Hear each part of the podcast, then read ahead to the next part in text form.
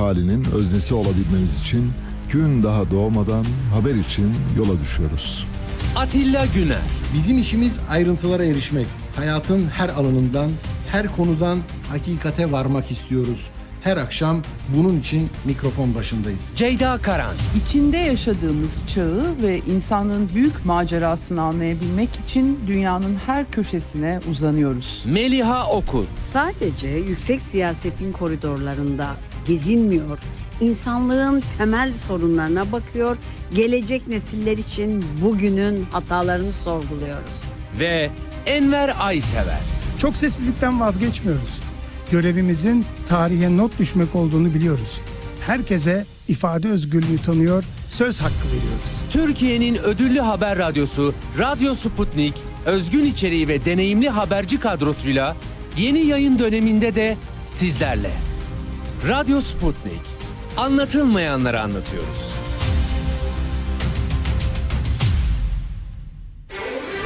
Sputnik Türkiye artık dünyanın en çok kullanılan sosyal ağlarından biri olan Telegram'da.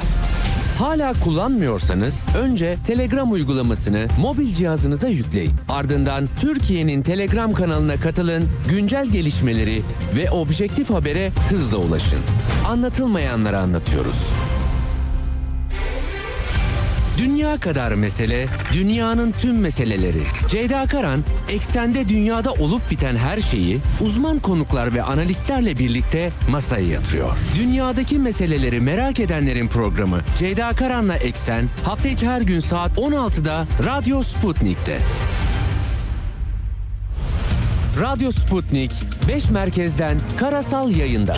İstanbul 97.8, Ankara 96.2, İzmir 91, Bursa 101.4, Kocaeli 90.2. Karasal yayınlarımızın olmadığı yerlerde tr.sputniknews.com adresinden iOS ya da Android mobil cihazınızdan Sputnik News uygulamasını indirerek dinleyebilirsiniz. Radyo Sputnik. Anlatılmayanları anlatıyoruz. Ali Çağatay'la Seyir Hali başlıyor. Güne erken başlayanların, gündemi ıskalamayanların, siyasetin, ekonominin, sanatın, kısacası hayatın seyrini kaçırmayanların programı. Ali Çağatay'la Seyir Hali hafta içi her sabah 7'den 9'a Radyo Sputnik'te. Radyo Sputnik'te seyir halindesiniz. İstanbul 97.8, Ankara 96.2, İzmir 91.0, Bursa 101.4 ve Kocaeli 90.2 frekansından bizi dinleyebilirsiniz. Ni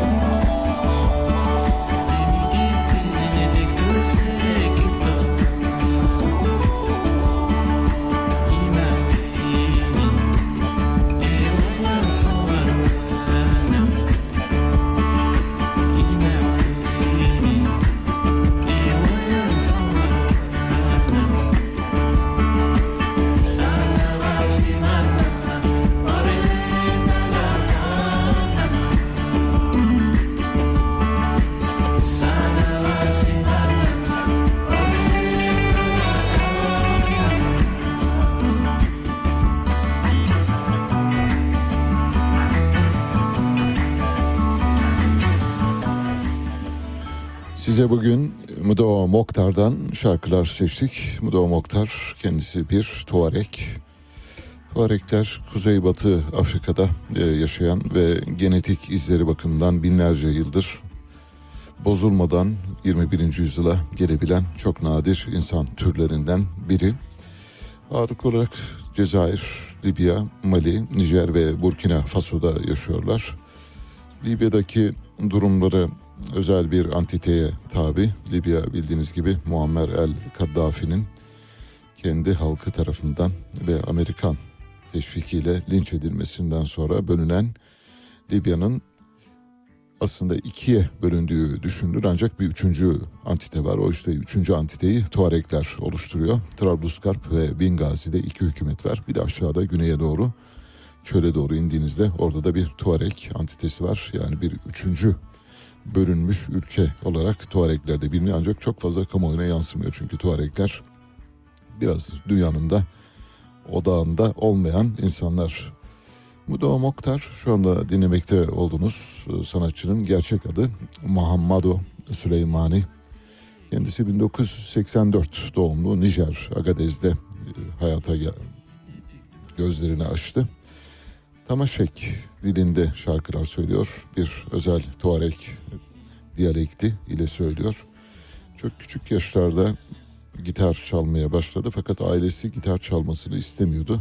Bu yüzden ilk yaptığı, kendi elleriyle yaptığı ilk gitarını ailesine maalesef teslim etmek zorunda kaldı ya da kurban etti. Arkasından bir gün oturdu bisikletinin jant tellerini çıkararak onlardan yeni bir gitar yaptı. İşte o gitarla müzik hayatına başladı. Çok uluslararası bir şöhrete sa- sahip aynı zamanda Mudo Mokhtar. Mesela Brooklyn'de konserler verdi. Büyük bir Avrupa turnesi var. 2022'de çıktığı bu Avrupa turnesinden çok büyük bir şöhrete kavuştu. 2013 yılında I Sing the Desert Electric adlı bir filmde rol aldı ayrıca. Grubun üyeleri de şöyle, tabi grubun lideri Mudo Mokhtar yani Muhammadu Süleymani. Kendisi hem bir solo gitarist hem vokalist. Bir arkadaşı var. Birlikte uzunca bir dönemdir birlikte oldu. Ahmadu Madastani. O da ritim gitar ve geri vokallerde görev yapıyor. Üçüncü üye Michael ya da Mikey Colton bas gitarda. Süleymani İbrahim o da davullarda ve perküsyonlarda yer alıyor. Grubun iki eski üyesi var. Onlardan da bahsedelim. Şu anda grupta değiller ancak onların da büyük emekleri geçti bu gruba. Bir tanesi Abu Bakar Mazavatiye İbrahim davul çalıyordu. Mahmut Ahmet Cebre de yine davul çalan bir üyesiydi. Tuareglerle ilgili birkaç küçük bilgi notu paylaşacağım. Çok enteresan. Ee, muhtemelen pek çok kimsenin çok bilmediği şeyler olabilir diye düşünüyorum elbette. Hani etnik araştırmalar yapan insanların bildiği ancak e, genel geçer e, ve popüler kültürde çok fazla bilinmeyen bir e, özelliğe sahip Tuaregler. Dediğim gibi e, Kuzeybatı Afrika'da yaşıyorlar ve önemli bir bölümü Burkina Faso'da, Nijer'de. Ancak Libya ve Cezayir'de de çok büyük bir e, kesimi oluşturuyorlar. Tuareglerin erkekleri peçe takıyor, kadınların aksine. Çünkü Tuaregler anaerkil bir topluluğu oluşturuyorlar. Kadınların her sözü geçerli. Orta Asya, e, Türk köklerine doğru gittiğimizde orada da işte hanım sultanların ne kadar etkin olduğunu biliyorsunuz. Örneğin Cengiz annesinin sözünden çıkmazdı asla. Eşinin sözünden de çıkmazdı keza. Öylesine bir şey var. Tuareglerde de kadınlar egemen. Örneğin kadınlar eğer izin vermezse evli bile olsa herhangi bir erkek çadırına giremez. Çadıra girmeden önce seslenir erkek. Kadının izni varsa ancak çadıra girebilir. Erkekler bir mavi peçe takıyorlar. Bu mavi peçe bir tür hicap. Şöyle düşünmek lazım. İşte kadınlar mesela kendilerine nikah düşeceğini bildikleri erkeklerin karşısında hicapla dururlar. Yüzleri örtülüdür. Burada da erkekler kendilerine nikah düşeceğini bildikleri kadınların karşısına peçeyle çıkıyorlar. Mavi bir peçe. Kırmızı kıl çadırlarda yaşıyorlar ama tabii bu eskiden. Şimdi kırmızı kıl çadır bulmak biraz zor. artık da plastik kırmızı çadırlarda yaşıyorlar. Özgün bir e, kabile, özgün bir aşiret. E, Berberilere benziyorlar ama onlardan çok farklı bir özellikleri var. Herkes Berberilerle karıştırır ve çok bozulmadan geliyorlar. Kendi aralarında evleniyorlar. Çok nadir güneye doğru indiğimizde, Libya'nın güneyine doğru indiğimizde melez ırklar var. Berberilerle ve Araplarla karışan, onlarla evlilik yapan melez e, Tuarekler de var. Dediğimiz gibi en önemli özellikleri anaerkil bir yapıya sahip olmaları, kadının sözünün geçtiği bir toplumdan bahsediyoruz. Erkeklerin peçe taktığı tek toplum. Evet başlıyoruz haberlerimizle. Pazar gecesinden itibaren Türkiye'ye Afrika çöl tozları geliyor. Meteorolojinin bildirdiğine göre bu mevsimde gelecek olan tozlara karşı şimdiden uyanık olunması gerekiyor. Ağırlık olarak tabii tahmin edeceğiniz gibi önce Antalya, Mersin, Hatay sınırlarını vuracak. Bu bakımdan deprem bölgesinde yaşayan insanlarımız bakımından da bir uyarıda olmasını dileyerek bu notu paylaştık. İki yıl önce hayatımızda olan, iki yıl öncesine kadar hayatımızda olan ve bugün de devam ede gelen bir durum var. Pandemi sırasında biliyorsunuz Covid-19 pandemisinde rakamların, verilerin saklandığı, TÜİK tarafından gerçek rakamların açıklanmadığı, Sağlık Bakanlığı tarafından gerçek rakamların açıklanmadığına dair epey bir tevatür vardı. Bu tevatür Dünya Sağlık Örgütü tarafından doğrulandı. Dünya Sağlık Örgütü'nün verileri açıklandı. TÜİK de bu verileri açıklamak zorunda kaldı ve TÜİK verileri açıklayınca gördük ki gerçek ölüm sayılarının 200 bin daha az açıklandı ortaya çıktı. Yani 200 bin kişinin ölümü gizlenmiş. İşte normalde ve ölüm sayılarıyla yani mezarlık kayıtlarıyla e, hareket edildiğinde ölüm sayılarının ne olduğu tahmin edilebilir. Çünkü tüm zamanlar itibariyle bu arada Harun e, grafik var. O grafiği verirse göreceksiniz. Kaba ölüm hızıyla ölüm sayısı arasındaki grafik var. Kaba ölüm hızı kırmızı bir barla işaret edilmiş durumda. Mavi çubuklarda normal ölüm sayısını gösteriyor. 2009'dan bu yana gelen bir süreç var. 2009'dan itibaren gelen sürece baktığımızda 2019 sonu ve 2020 başı itibariyle kaba ölüm hızının ölüm sayısının çok çok üzerinde olduğunu görüyoruz. Fazladan ölümlerin pandemiye bağlı ölümler oldu zaten belli. Önce rakamları paylaşalım sonra bizim geçmişte yaptığımız bir hatırlatma vardı. Onu ve ekleyip öyle noktalayacağız bu bahsi. TÜİK'in iki yıl boyunca yayımlamadığı ölüm ve ölüm nedeni istatistikleri dün açıklandı. Paylaşılan veriler koronavirüs salgını sürecinde gerçek ölüm sayılarının gizlendiği yönündeki eleştirilerin haklı olduğunu gösteriyor. Buna göre 2020 ve 2021 yıllarında geçmiş yıllara göre toplamda 200 bin kadar ek ölüm gerçekleşmiş. Yani pandemi sebebiyle ilave 200 bin.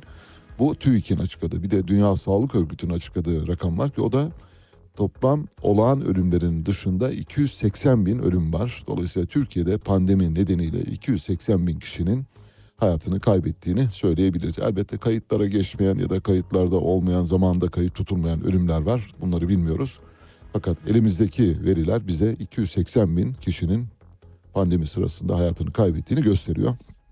TÜİK tabii bu verileri gecikmeli olarak açıklayarak o dönemde bir panik yaşanmasının önüne geçmiş olabilir ya da böyle bir niyetle de ertelemiş olabilir. Ancak e, biz isterdik ki tabii vatandaşlar olarak gerçek ölüm rakamlarını bilelim. Çünkü gerçek ölüm rakamlarını bildiğimiz takdirde daha korumacı olabilirdik ve kendimizi koruyarak belki şu an hayatta olmayanları da e, hayatta tutabilirdik diye düşünüyorum.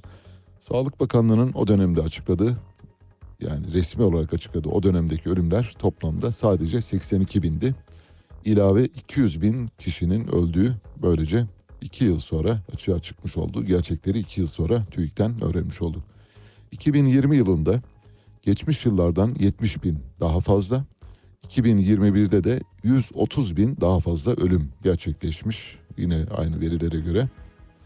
Dünya Sağlık Örgütü koronavirüs salgınına ilişkin gerçek sayılara yönelik tahminler yaptığı bir çalışmasında Türkiye'de hayatını kaybedenlerin gerçek sayısının 264 bin olduğunu bildirmişti. Demek ki en son sağlık rakam bu. Türkiye 264 bin kişiyi koronavirüs salgını sırasında kaybetmiş. Bu artık Dünya Sağlık Örgütü'nün kayıtlarında da var.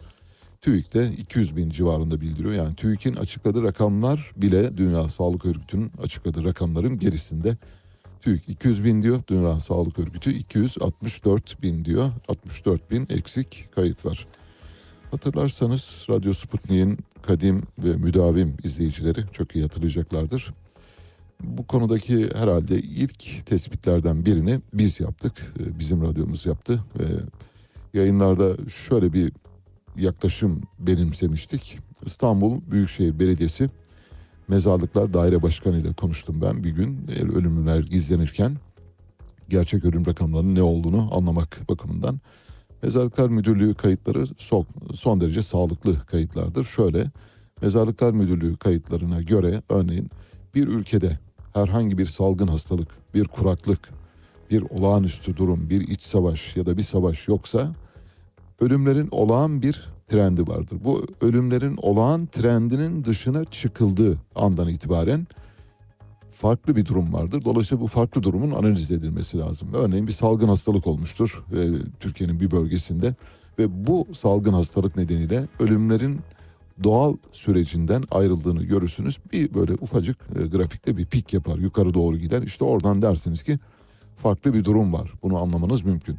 Dolayısıyla biz o dönemde Sağlık Bakanlığı ve TÜİK e, gerçek rakamları gizleyince Mezarlıklar Müdürlüğü'ne başvurduk ve Mezarlıklar Müdürü Doktor Ayhan Koç ilk kez bizim yayınımıza katılarak gerçek ölüm rakamlarıyla gizlenen ölüm rakamları arasındaki farkı Mezarlıklar Müdürlüğü'nün doğal kayıtlarına dayanarak açıklamıştı. Biz o tarihlerde 50 bin yani o yılı yıla özgü olarak 2020'nin e, ortalarında 2020 yılına ilişkin doğal ölüm sayısının en azından 50 e, bin civarında daha fazla olduğunu bu mezarlıklar kayıtlarıyla tespit etmiştik. O gün yaptığımız tespitlerin bugün TÜİK tarafından kısmen doğrulanıyor olması. Kısmen diyorum çünkü Dünya Sağlık Örgütü'nün rakamlarının gerisinde TÜİK'in açıkladığı rakamlar hala. Belli ki bizde kayıt çok iyi tutulmamış. O Dünya Sağlık Örgütü Cenevre'den bizim kayıtlarımızı bizden daha iyi tutuyor diyebilir miyiz? Öyle. Yani sonuç öyle çıkıyor. Evet böylece bu bahsi de kapatmış olduk. Bir e, görevden alma kararı var. Çevre ve Şehircilik İklim Değişikliği Bakanlığı Çevresel Etki Değerlendirmesi İzin ve Denetim Genel Müdür Yardımcısı Ahmet Talha Türkoğlu görevden alındı. Bu görevden almanın e, son dönemdeki depremle ilintili olup olmadığını bilmiyoruz. E, çünkü Cumhurbaşkanlığı kararnamesinde başka bakanlıklarla ilgili de görevden almalar var. Örneğin Çalışma ve Sosyal Güvenlik Bakanlığı'nda var yine görevden alma. Bu arada Çevre, Şehircilik ve İklim Değişikliği Bakanlığı'nda görevden almanın yanı sıra 3 adette yeni görevlendirme var. Yani bazı e, birimleri yeni görevlendirme yapılmış. Ancak söz konusu Ahmet Talha Türkoğlu çevresel etki değerlendirme genel müdür yardımcısının bu sebeple görevden alınıp alınmadığını bilmiyoruz. O bakımdan da üzerinde daha fazla durmuyoruz. Bir futbol haberi vereceğim maalesef. E, üzüntü verici. Trabzon Avrupa Kupası'na veda etti dün. Ve Avrupa'nın en zayıf takımlarından olan İsviçre'nin Basel takımına 2-0 yenildi ve böylece Avrupa Konferans Ligi playoff turu rövanş maçında turlara veda etmiş oldu. Trabzon ilk maçta kendi evinde 1-0 kazanmıştı fakat deplasmanda 2-0 yenildiği için kaybetti ve elendi. E, maç bir hayli kritize edilebilecek bir maç. E, bir gol sayılmadı, bir penaltı verilmedi. Bu arada Basel takımına yönelik olarak hakemin biraz müsamahakar davrandığına ilişkin bazı görüşler de var. Örneğin Basel takımı çok çok e, sayıda çok sayıda faulden sonra 14. faulden sonra e, sarı kart e, gördü bir oyuncusu. Oysa daha önce sarı kart oradan da kırmızı karta gidebilecek oyuncuları olabileceğini söyleyen yorumcular var. Bilmiyoruz biz maçı izlemedik ama bu yönde bazı e, görüşler var. Bu arada Trabzonspor'la ilgili asıl üzüntü verici haberi de söyleyelim. Trabzonspor Abdullah Avcı yönetiminde Avrupa'da deplasmanda tek bir maçı kazanamadı. Diğer Avrupa kupalarındaki eşleşmelerle ilgili kura çekim törenleri var bugün onu da söyleyelim. Trabzon gitti artık elendi. Dolayısıyla diğerleriyle ilgili diğer takımlarımız Fenerbahçe ve UEFA Konferans Ligi'nde yoluna devam eden Başakşehir'le Demir Grup Sivas Spor'un bugün rakipleri belli oluyor. Fenerbahçe'nin olası rakipleri şunlar. Manchester United, Juventus, Roma, Sporting Lisbon, Sevilla, Leverkusen, Union Berlin ve Shakhtar olabilir. Bunlardan e, biriyle eşleşecek. Sivas Spor ve Başakşehir'in olası rakipleri de şunlar. Lazio, AEK Larnaca, Şerif, Anderlecht, Basel, Leh Poznan ve Fiorentina ile Gent olabilir. Bunlardan biriyle eşleşecek. Kura çekim töreni bugün saat 14-15 saatlerinde iki ayrı tören var. Biliyorsunuz iki ayrı kura var. Bu iki ayrı kurayla rakipleri belli olacak. Dün Hatay Spor Teknik Direktörü eski milli futbolcu Gökhan Zan'la bir görüşme yapmıştık hatırlarsanız. Çok da iyi anlattı durumu. Müthiş yani. Olayı 20 dakikada bütün 18 günde ne yaşadıysak hepsini tek tek anlattı ve çok tabii trajik şeylerden bahsetti. Gökhan Zan dünkü yayın sırasında her şeye ihtiyacımız var ama öncelikle çadır, çadır, çadır dedi. Şu anda bölgede çadırsızlık var ve AFAD'ın kayıtlarına bakarsak çadır konusunda en ufak sorun yok ancak televizyonlara, medyaya yansıyan bilgilere baktığımızda çadır sorununun had safhada olduğunu görüyoruz. Dün ayrıca iyi bir e, gelişmeye de aracılık yaptık biz radyo olarak. Gökhan Zan'la bu görüşmeyi yaptıktan sonra yani yayın bittikten 5 dakika sonra bendenizi İstanbul Arkeologlar Derneği Başkanı aradı. Dedi ki biz dinledik yayını. Gökhan Zan bildiğiniz gibi bölgedeki her şey çözümlendikten sonra bölgenin kültürel varlığının korunması ile ilgili müzelerin yeniden restore edilmesi ve müzedeki hasar gören eserlerin kayıt altına alınıp onların restore edilmesi gerektiğini söylemişti. Ayrıca bir deprem müzesi açılması gerektiğini söylemişti. Tıpkı Hiroşima'daki e, müze gibi işte e, nükleer saldırı müzesi, e, müzesi gibi benzer bir müze yapılmalı dedi. Çünkü bu bir ibret vesilesi. İnsanlar ona bakarak e, depremle e, ilgili görüşlerini, tasavvurlarını değiştirebilirler. Bu sebeple işte İstanbul Arkeologlar e, Derneği Gökhan Zan'la görüşmek istediğini söyledi. Bendeniz de Gökhan Zan'ın telefonunu İstanbul Arkeologlar Derneği Başkanı'na onun, onun telefonunu da Gökhan Zan'a ilettim. Aradan çekildim şu anda. Tabii elbette bugün yapılabilecek bir şey değil. Muhtemelen her şey ortadan kalktıktan sonra acılar unutulduktan sonra orada bir deprem müzesi kurulabilir. Arkeologlar Derneği bu konuda yardımcı olabileceğini söyledi. Gökhan Zan da bu işin üstlenicisi olabilir. Çünkü yol göstericisi olabilir. Zira fikir de ondan çıktı zaten.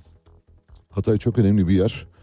Şu bakımdan önemli. Hatay bildiğiniz gibi e, Hristiyanlığın doğuşunda havarilerin pek çoğunun güzergahı üzerinde olan bir yer. Ayrıca 12 e, havariden Saint Pierre'in bizatihi memleketi doğduğu yer.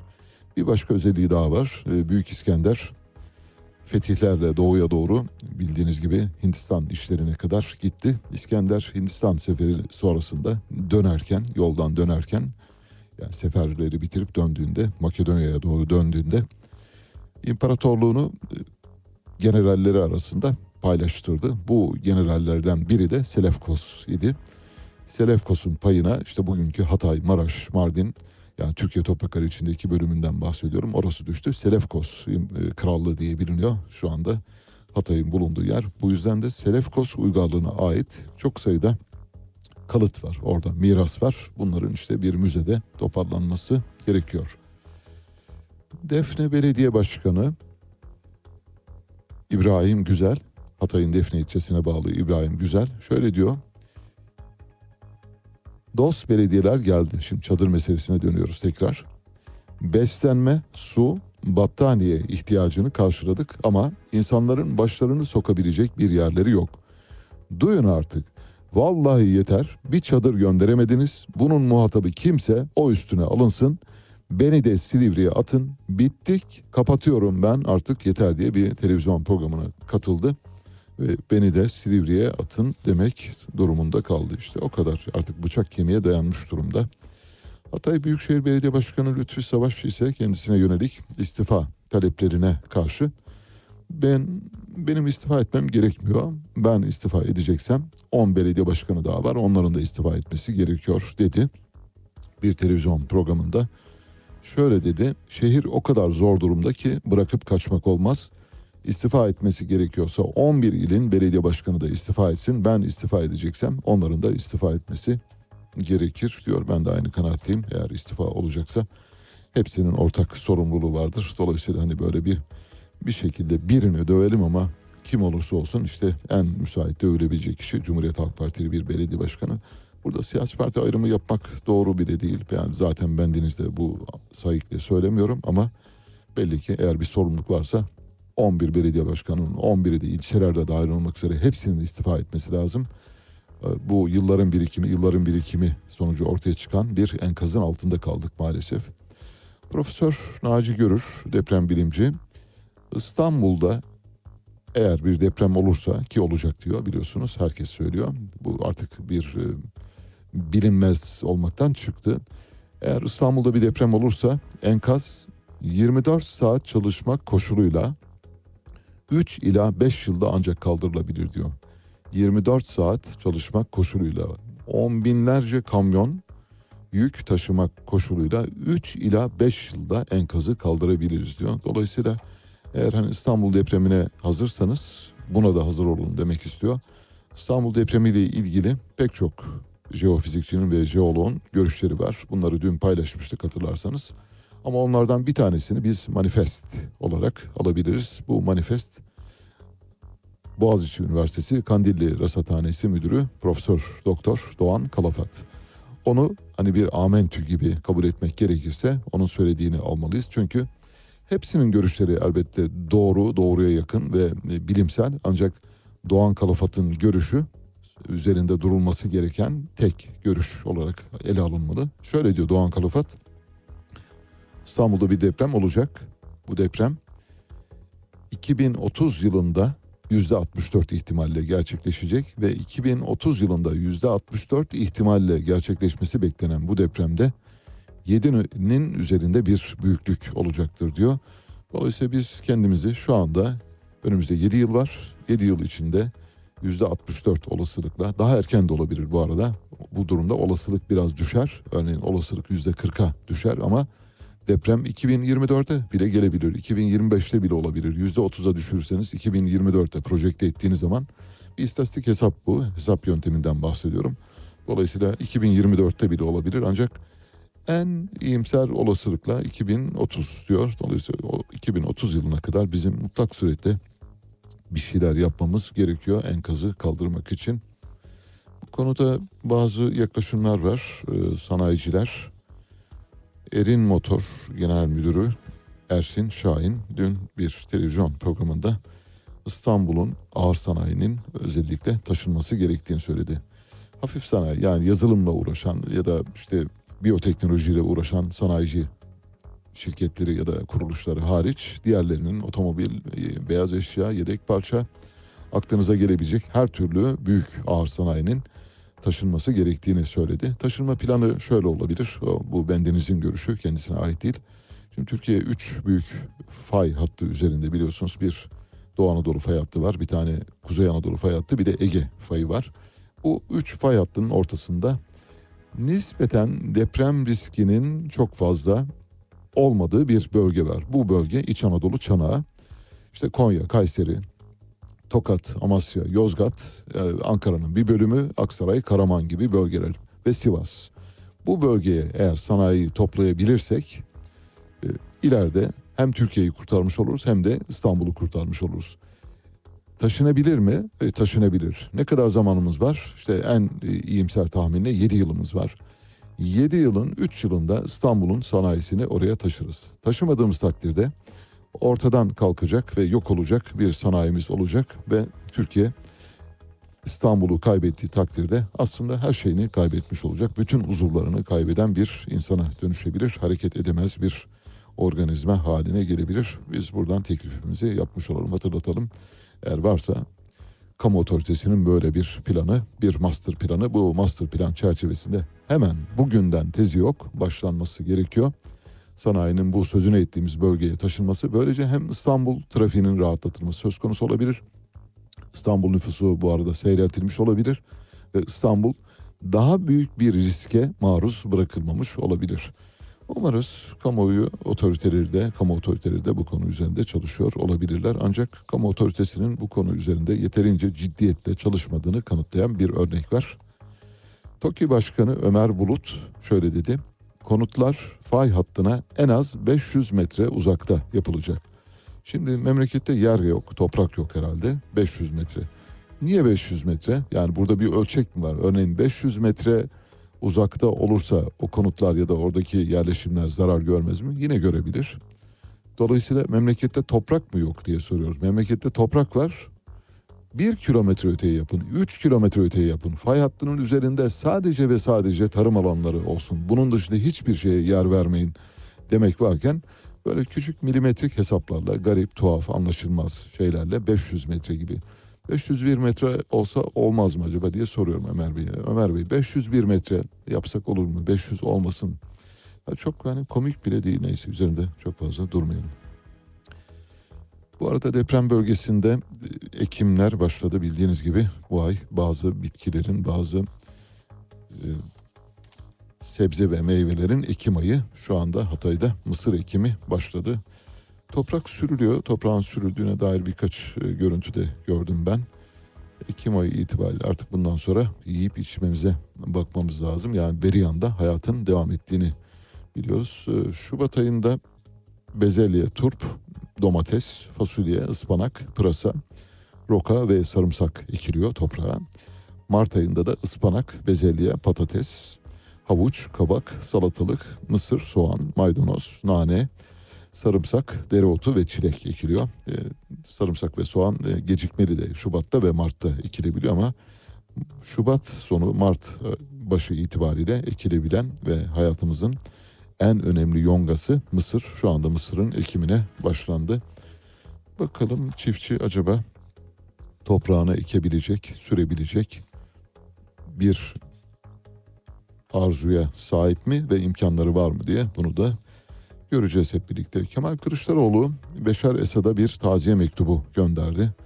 Cumhurbaşkanı da bir taziye mektubu gönderdi onu biliyoruz. Kemal Kılıçdaroğlu'nun mektubu paylaşıldı. Bu mektubu paylaşacağım. Cumhurbaşkanı'nın mektubu da paylaşıldı ancak ikinci elden kaynaklar tarafından paylaşıldığı için e, kendisinden yani bizzati Cumhurbaşkanlığı sarayından değil de başka bir kaynaktan geldiği için emin olamadık. O bakımdan paylaşmıyoruz. Birinci kaynağı da ait olmadığı için. Fakat Kemal Kılıçdaroğlu'nun birinci kaynaktan açıklandı. Şöyle dedi.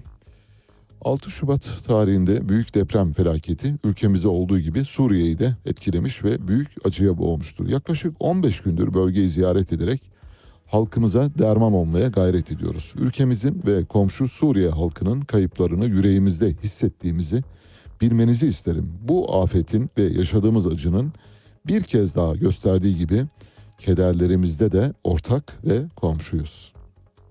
Haklarımızın ortak acılarını paylaşıyoruz. Bu vesileyle size ve halkınıza başsağlığı diliyor. İleride kederlerimizi değil ümitlerimizi paylaşmayı umuyorum diyor Kemal Kılıçdaroğlu. Beşar Esad'a gönderdiği mesajda.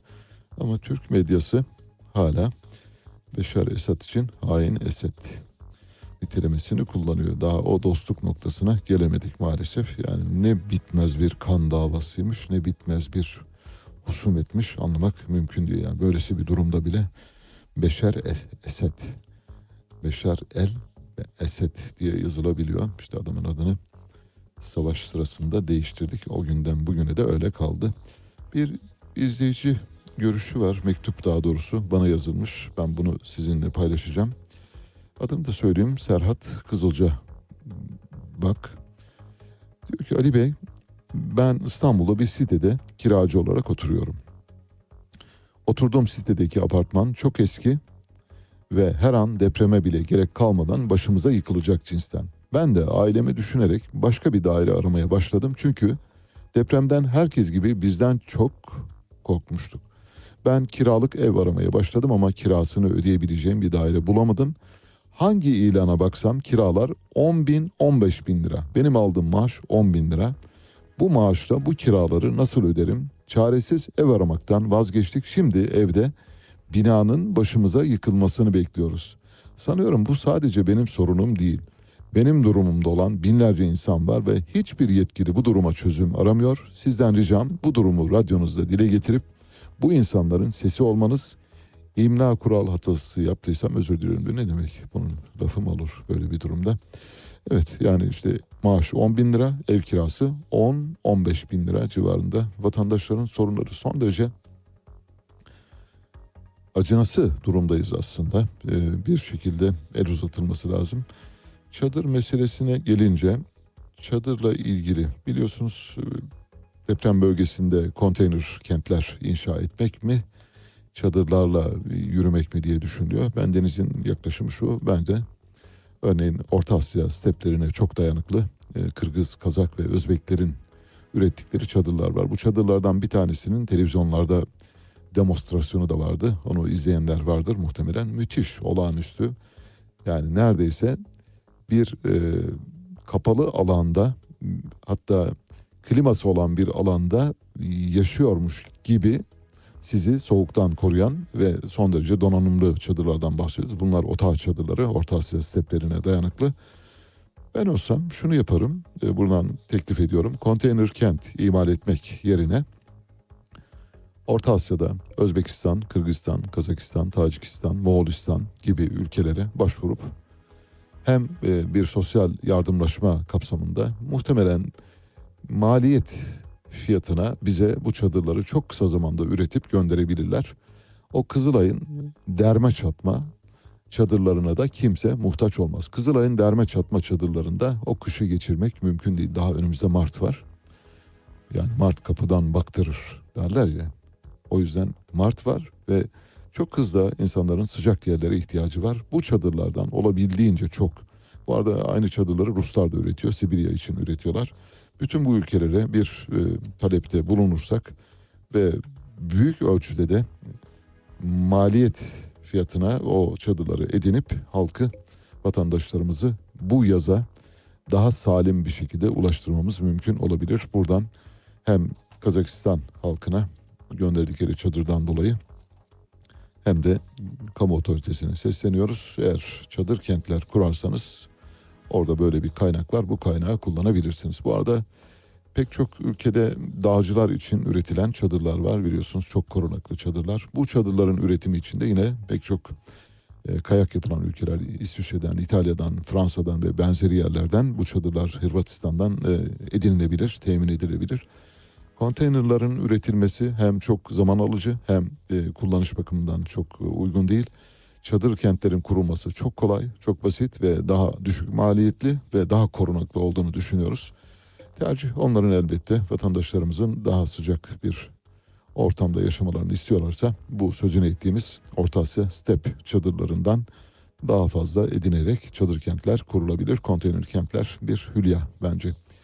Depremzedeler için düzenlenen bir e, turnuva vardı. Kocaeli Spor'la Sakarya Spor arasında bir maç, dostluk maçı. Dün oynandı bu maç ve dostluk maçında kavga çıktı. Gerileri deprem bölgesine bağışlanmak üzere oynanan Kocaeli Spor Sakarya Spor maçında iki takım taraftarları arasında gerginlik yaşandı.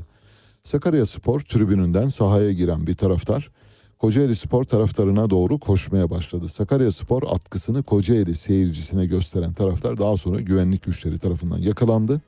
Ardından gerginlik her iki takım tribünlerine taşmaya başladı. Atkıyı gösteren Sakarya Sporluyu kovalamak için Kocaeli Spor taraftarı sahaya indi. Yaşanan olaylar dostluk maçının önüne geçerken güvenlik güçleri de zor anlar yaşadı. İşte Türkiye manzarası hani ne derler can çıkmadan huy çıkmıyor. Dostluk maçında siz depremzedeler için bir maç yapıyorsunuz. Sahada birbirinizle kavga ediyorsunuz. Neymiş? Birisi size bir atkı gösterdi. Hani mesela orada galeyana gelmek, bu, bu durumda bile öfkeyi dizginleyememek. Acaba bunu hoşgörüyle karşılamak varken böylesi bir şey işte bu bizim hasletimiz maalesef. Kötü karakterimiz, kötü karakterimiz böyle günlerde açığa çıkıyor. Atatürk, Türk milleti zeki, çalışkan ve akıllıdır demişti ya. Atatürk böyle olmadığını biliyor. Atatürk öyle olmadığını bildiği için yani ben böyle söyleyeyim bari onlar kendilerine belki çeki düzen verebilirler diyor. O da biliyor Türk halkının yüzde yüzünün zeki, çevik, akıllı ve yaratıcı olmadığını. O da işte böyle söylersek böyle olur. İşte o telkinler dolayısıyla bu sebepten dolayı bu maçta mesela karakterimiz, gerçek karakterimiz maalesef su yüzüne çıkmış durumda. Şamil Tayyar, AK Parti milletvekili Şamil Tayyar'ın bir fotoğrafı vardı. Bu fotoğrafı tekrar e, sizinle paylaşırsa Harun göreceksiniz. Kendisi Gaziantep milletvekiliydi ve Gaziantep bölgesinde yıkılan inşaatların müteahhitlerinden Yunus Kaya ile bir fotoğrafı vardı bildiğiniz gibi. Yunus Kaya'yı ziyaret etmiş. ve Yunus Kaya da kendisine bir portre hediye etmişti. El yapımı bir portre. O portrede bir arma var. Osmanlı arması. Bir de Şamil Tayyar'ın e, fotoğrafı var. E, bir portre fotoğrafı var. Onunla poz vermişti.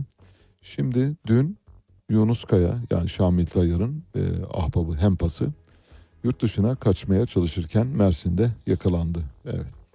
Olay içinde olaydan bahsediyoruz. Seçimlerle ilgili Cumhurbaşkanlığı Sözcüsü İbrahim Kalın bir açıklama yaptı. Bu açıklamayı paylaşacağım. Sonra da birkaç cümleyle buna ilaveler yapacağım. İbrahim Kalın şöyle diyor. Yüksek Seçim Kurulu etkilenen 10 şehirde seçim olup olmayacağına karar verecek. 2 milyondan fazla kişi bölgeden ayrıldı. Gittikleri yerde nasıl oy verecekler gibi teknik sorunlar var. Deprem bölgesinde hayatta kalanlara oy kullandırmama, ön nabız yoklaması, zemin hazırlığı gibi bir durumdan bahsediyorlar. Dolayısıyla e, nüfusun yüzde onundan fazlasının katılmadığı bir seçim aslında çok da anlamlı bir seçim olmaz diye düşünüyoruz. Bakalım ben seçimlerin ertelenebileceğini düşünüyorum. Şimdi dünden verdiğimiz sözleri bugün umarız e, zamanını iyi kullanırsak yerine getireceğiz diye düşünüyorum. Bir defa e, bir konu vardı onu açıklığa kavuşturalım. Çelik konstrüksiyon ile betonarme yapılar arasında bir maliyet karşılaştırması yapacaktık. Dün yayınımıza katılması gereken e, iş insanı hesapları henüz bitiremedim. E, salı günü için söz veriyorum dedi. Önümüzdeki salı günü katılacak yayına dolayısıyla. Çünkü çok inceleyip sık dokuyarak hesaplarımız tamamlanmadı. İşte böylesi ahlaki insanlara ihtiyacımız var. Yüksek ahlaklı insanlara ihtiyacımız var. Hani çıkıp çok rahatlıkla evet e, çelik konstrüksiyonla betonarme yapıların maliyetleri arasında hiçbir fark yoktur deyip çıkabilirdi. Hayır dedi hesapları henüz tamamlamadık. Bitireceğiz. Bitirdiğimiz zaman yayına geleceğim. Bana salıya kadar izin verin dedi. Salı günü yayınımıza katılacak. Ben de biliyorsunuz bu tezi savunuyorum. Bölgede yıkılmış olan bu 10-11 ilde yeniden inşa edilirken çelik konstrüksiyona geçilmeli. Çelik konstrüksiyon hem daha sağlam hem daha güvenli.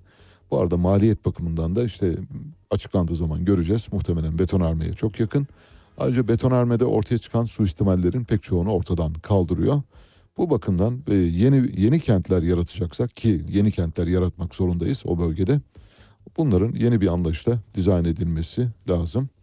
Seçimlerle ilgili Anayasa Mahkemesi kararı ve Cumhurbaşkanlığı seçim kanunu ile ilgili bir dosya paylaşacağım demiştim. İşte İbrahim Kalın'ın bu mesajı üzerine birazdan onu da sizinle paylaşacağız. Seçimler ertelenebilir mi, ertelenemez mi? Buna ilişkin Anayasa Mahkemesi kararı ve Cumhurbaşkanı seçim kanunundan ortaya çıkan sonucu sizinle paylaşacağız. Modern Rusya'nın tarihinde ilk ay misyonu fırlatması 13 Temmuz'da yapılacak. Yani Sovyetler dağıldıktan sonra 1990'lı yılların başında dağıldıktan sonra Ruslar artık uzaya, uzay çalışmalarına küçük bir ara verdiler. Küçük bir mola, antrakt verdiler. Şimdi bu antrakt bitiyor. Önümüzdeki günlerde 13 Temmuz'da Rus Luna 25 istasyonu uzaya fırlatılıyor. Geçen yıl fırlatılması bekleniyordu ancak bir teknik sorun nedeniyle fırlatma ertelendi. Luna 25 kapsamında ayın Güney Kutbu bölgesine araştırma için bir otomatik uzay araştırma aracı gönderilecek. Modülün Bugoslavski kraterinin yakınına indirilmesi ve Rus bilimcilere ayın yüzeyini ve atmosferini inceleme imkanı sağlaması bekleniyor. Türkiye'nin bu konuda var mı çalışması var. Türkiye'de 2024 yılı başında Ay'a sert iniş yapmayı planlıyor. Ancak Uzay Ajansı Başkanımız bugünlerde biliyorsunuz farklı bir şeyle uğraşıyor. Uzay Ajansı Başkanımız kim? Hüseyin Serdar Yıldırım. Hüseyin Serdar Yıldırım bugünlerde çok yoğun. Bunlarla uğraşacak vakti yok. Hüseyin Serdar Yıldırım'ın bir tezi var. Ne demişti? Uzaydan dünyaya gönderilen 10 metre uzunluğunda sivri uçlu titanyum çubuklarla deprem yapılıyor demişti. Bunu böyle hani ciddi ciddi paylaştı ve uzay ajansı başkanımızın başka işlerde ya da uzay ajansı başkanımızın uzayda işi olmadığını anlıyoruz ya da bilimle uzak yakın alakası olmadığını anlıyoruz. Normalde işte sokaklarda e, sabahçı kahvelerinde konuşulabilecek konuları çıkıp ortalık yerde uzay ajansı başkanı olarak açıklamıştı. 10 metrelik titanyum çubuklar gönderiyorsunuz ne yapıyor? Deprem yapıyor. Demek ki ülkelerin ordu beslemesine gerek yok. Örneğin Amerika Birleşik Devletleri dünyanın en büyük ordularından birini besliyor ve dünyada en fazla savunma harcaması yapan ülke 10 tane titanyum çubuğu alırsanız o pat pat pat gönderirsiniz. Depremleri yaparsanız ülkeleri yerle bir edersiniz. Savaşmaya gerek kalmaz. Ülkeler size teslim olurlar. Böyle bir imkan varken Amerika bilmiyor işte evet eksik bilgiye sahip. Örneğin Hüseyin Serdar Yıldırım'ın bilgisine sahip olmuş olsaydı şunu yapabiliriz ama tabii latifesi hoş değil ama bu, bu gibi durumlarda maalesef NASA ile bizim uzay ajansı başkanını yer değiştirmemiz lazım. Uzay ajansı başkanımızı NASA'ya, NASA başkanını da Türkiye'ye getirirsek Amerika büyük bir atak yapabilir diye düşünüyoruz.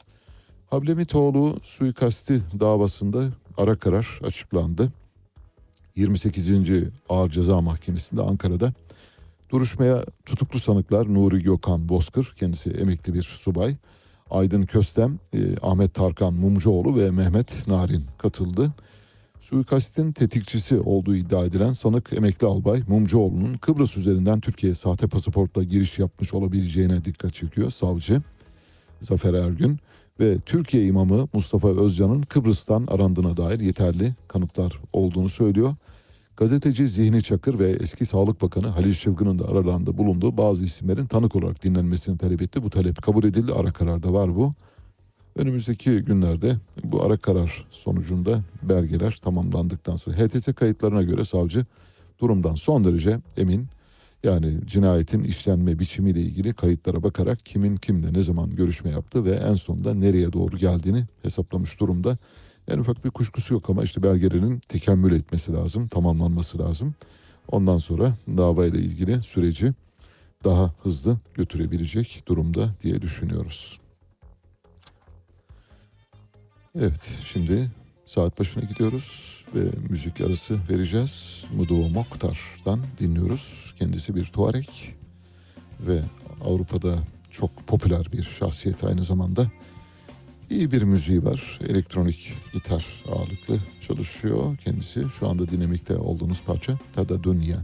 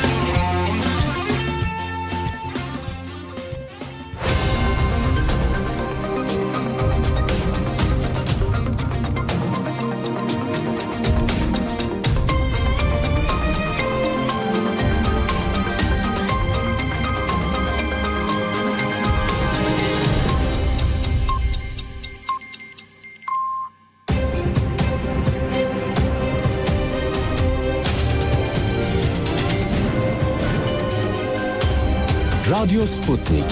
Anlatılmayanları anlatıyoruz. Güne erken başlayanların, gündemi ıskalamayanların, siyasetin, ekonominin, sanatın, kısacası hayatın seyrini kaçırmayanların programı. Ali Çağatay'la Seyir Hali hafta içi her sabah 7'den 9'a Radyo Sputnik'te.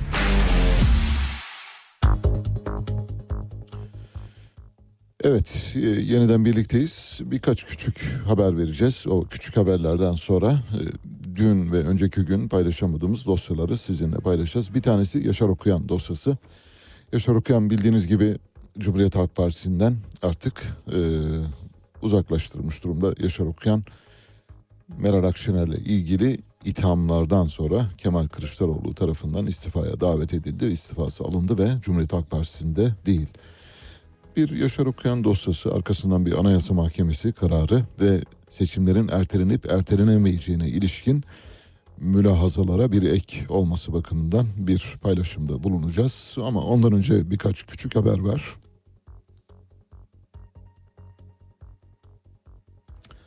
O küçük haberleri paylaşalım.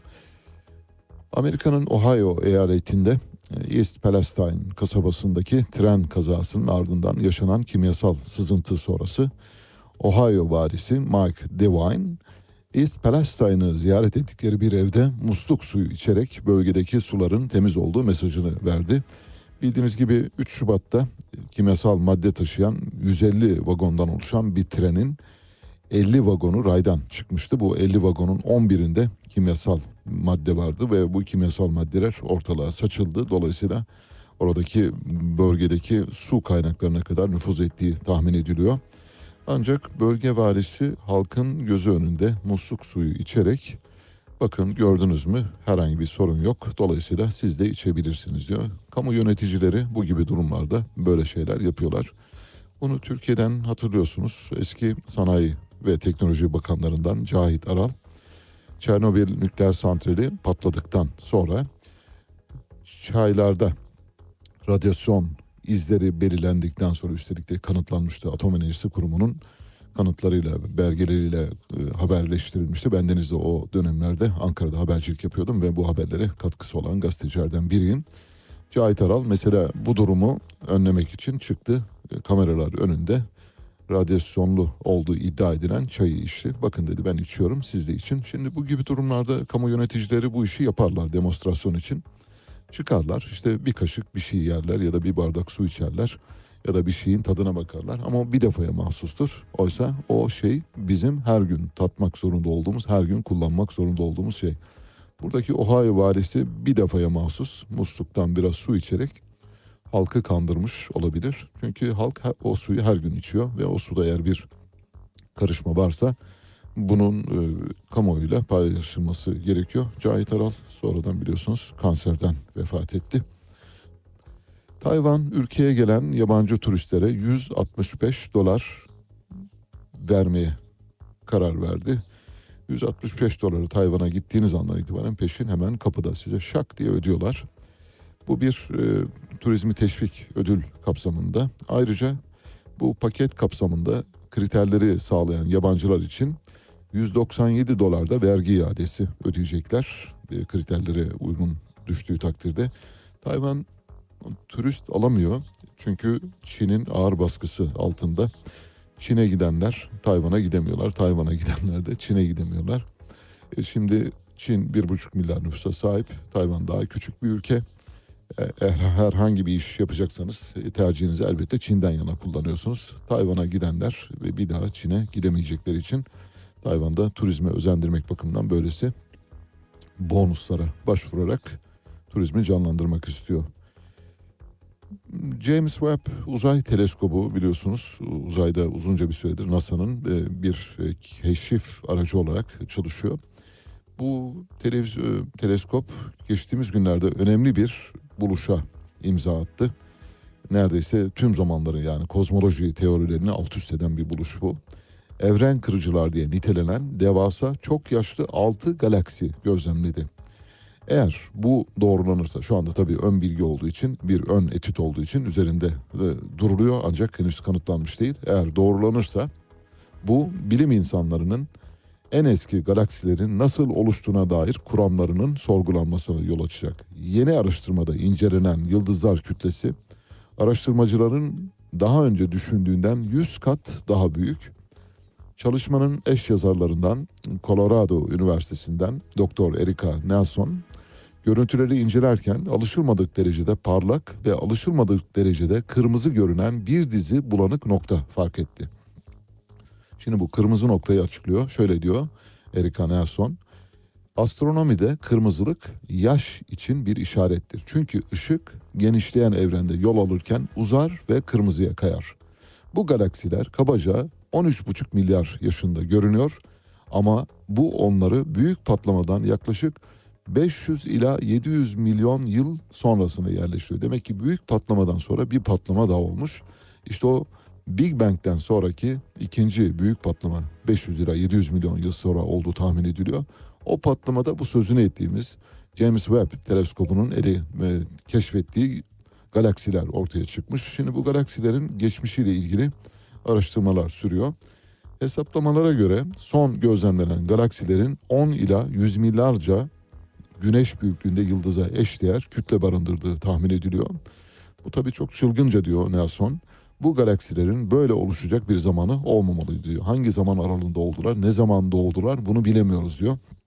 Hani derler ya ne zaman, ne kadar zamanda bu kadar çocuğu yaptınız derler ona geliyor. Yani bu kadar çocuğun olması için bir zamana ihtiyaç var.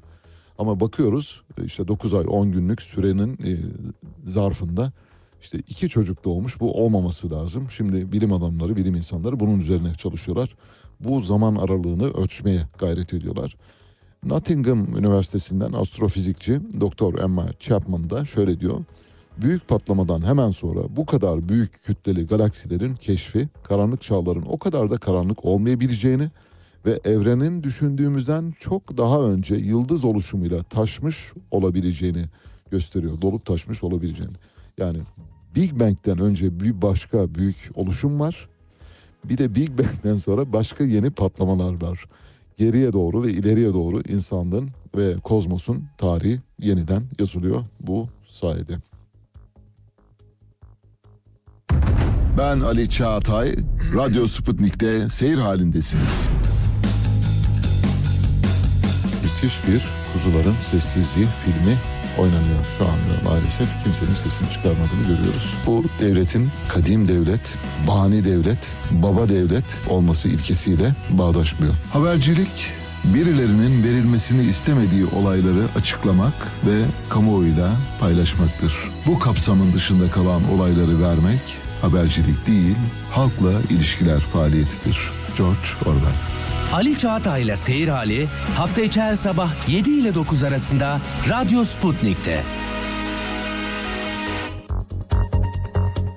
Evet, yeniden birlikteyiz. Yaşar Okuyan'ın Cumhuriyet Halk Partisi ile ilişiği kesildi. Peki Yaşar Okuyan'la ilgili az bilinenler ya da hiç bilinmeyenler ya da çok az bilinenler var mı? Var.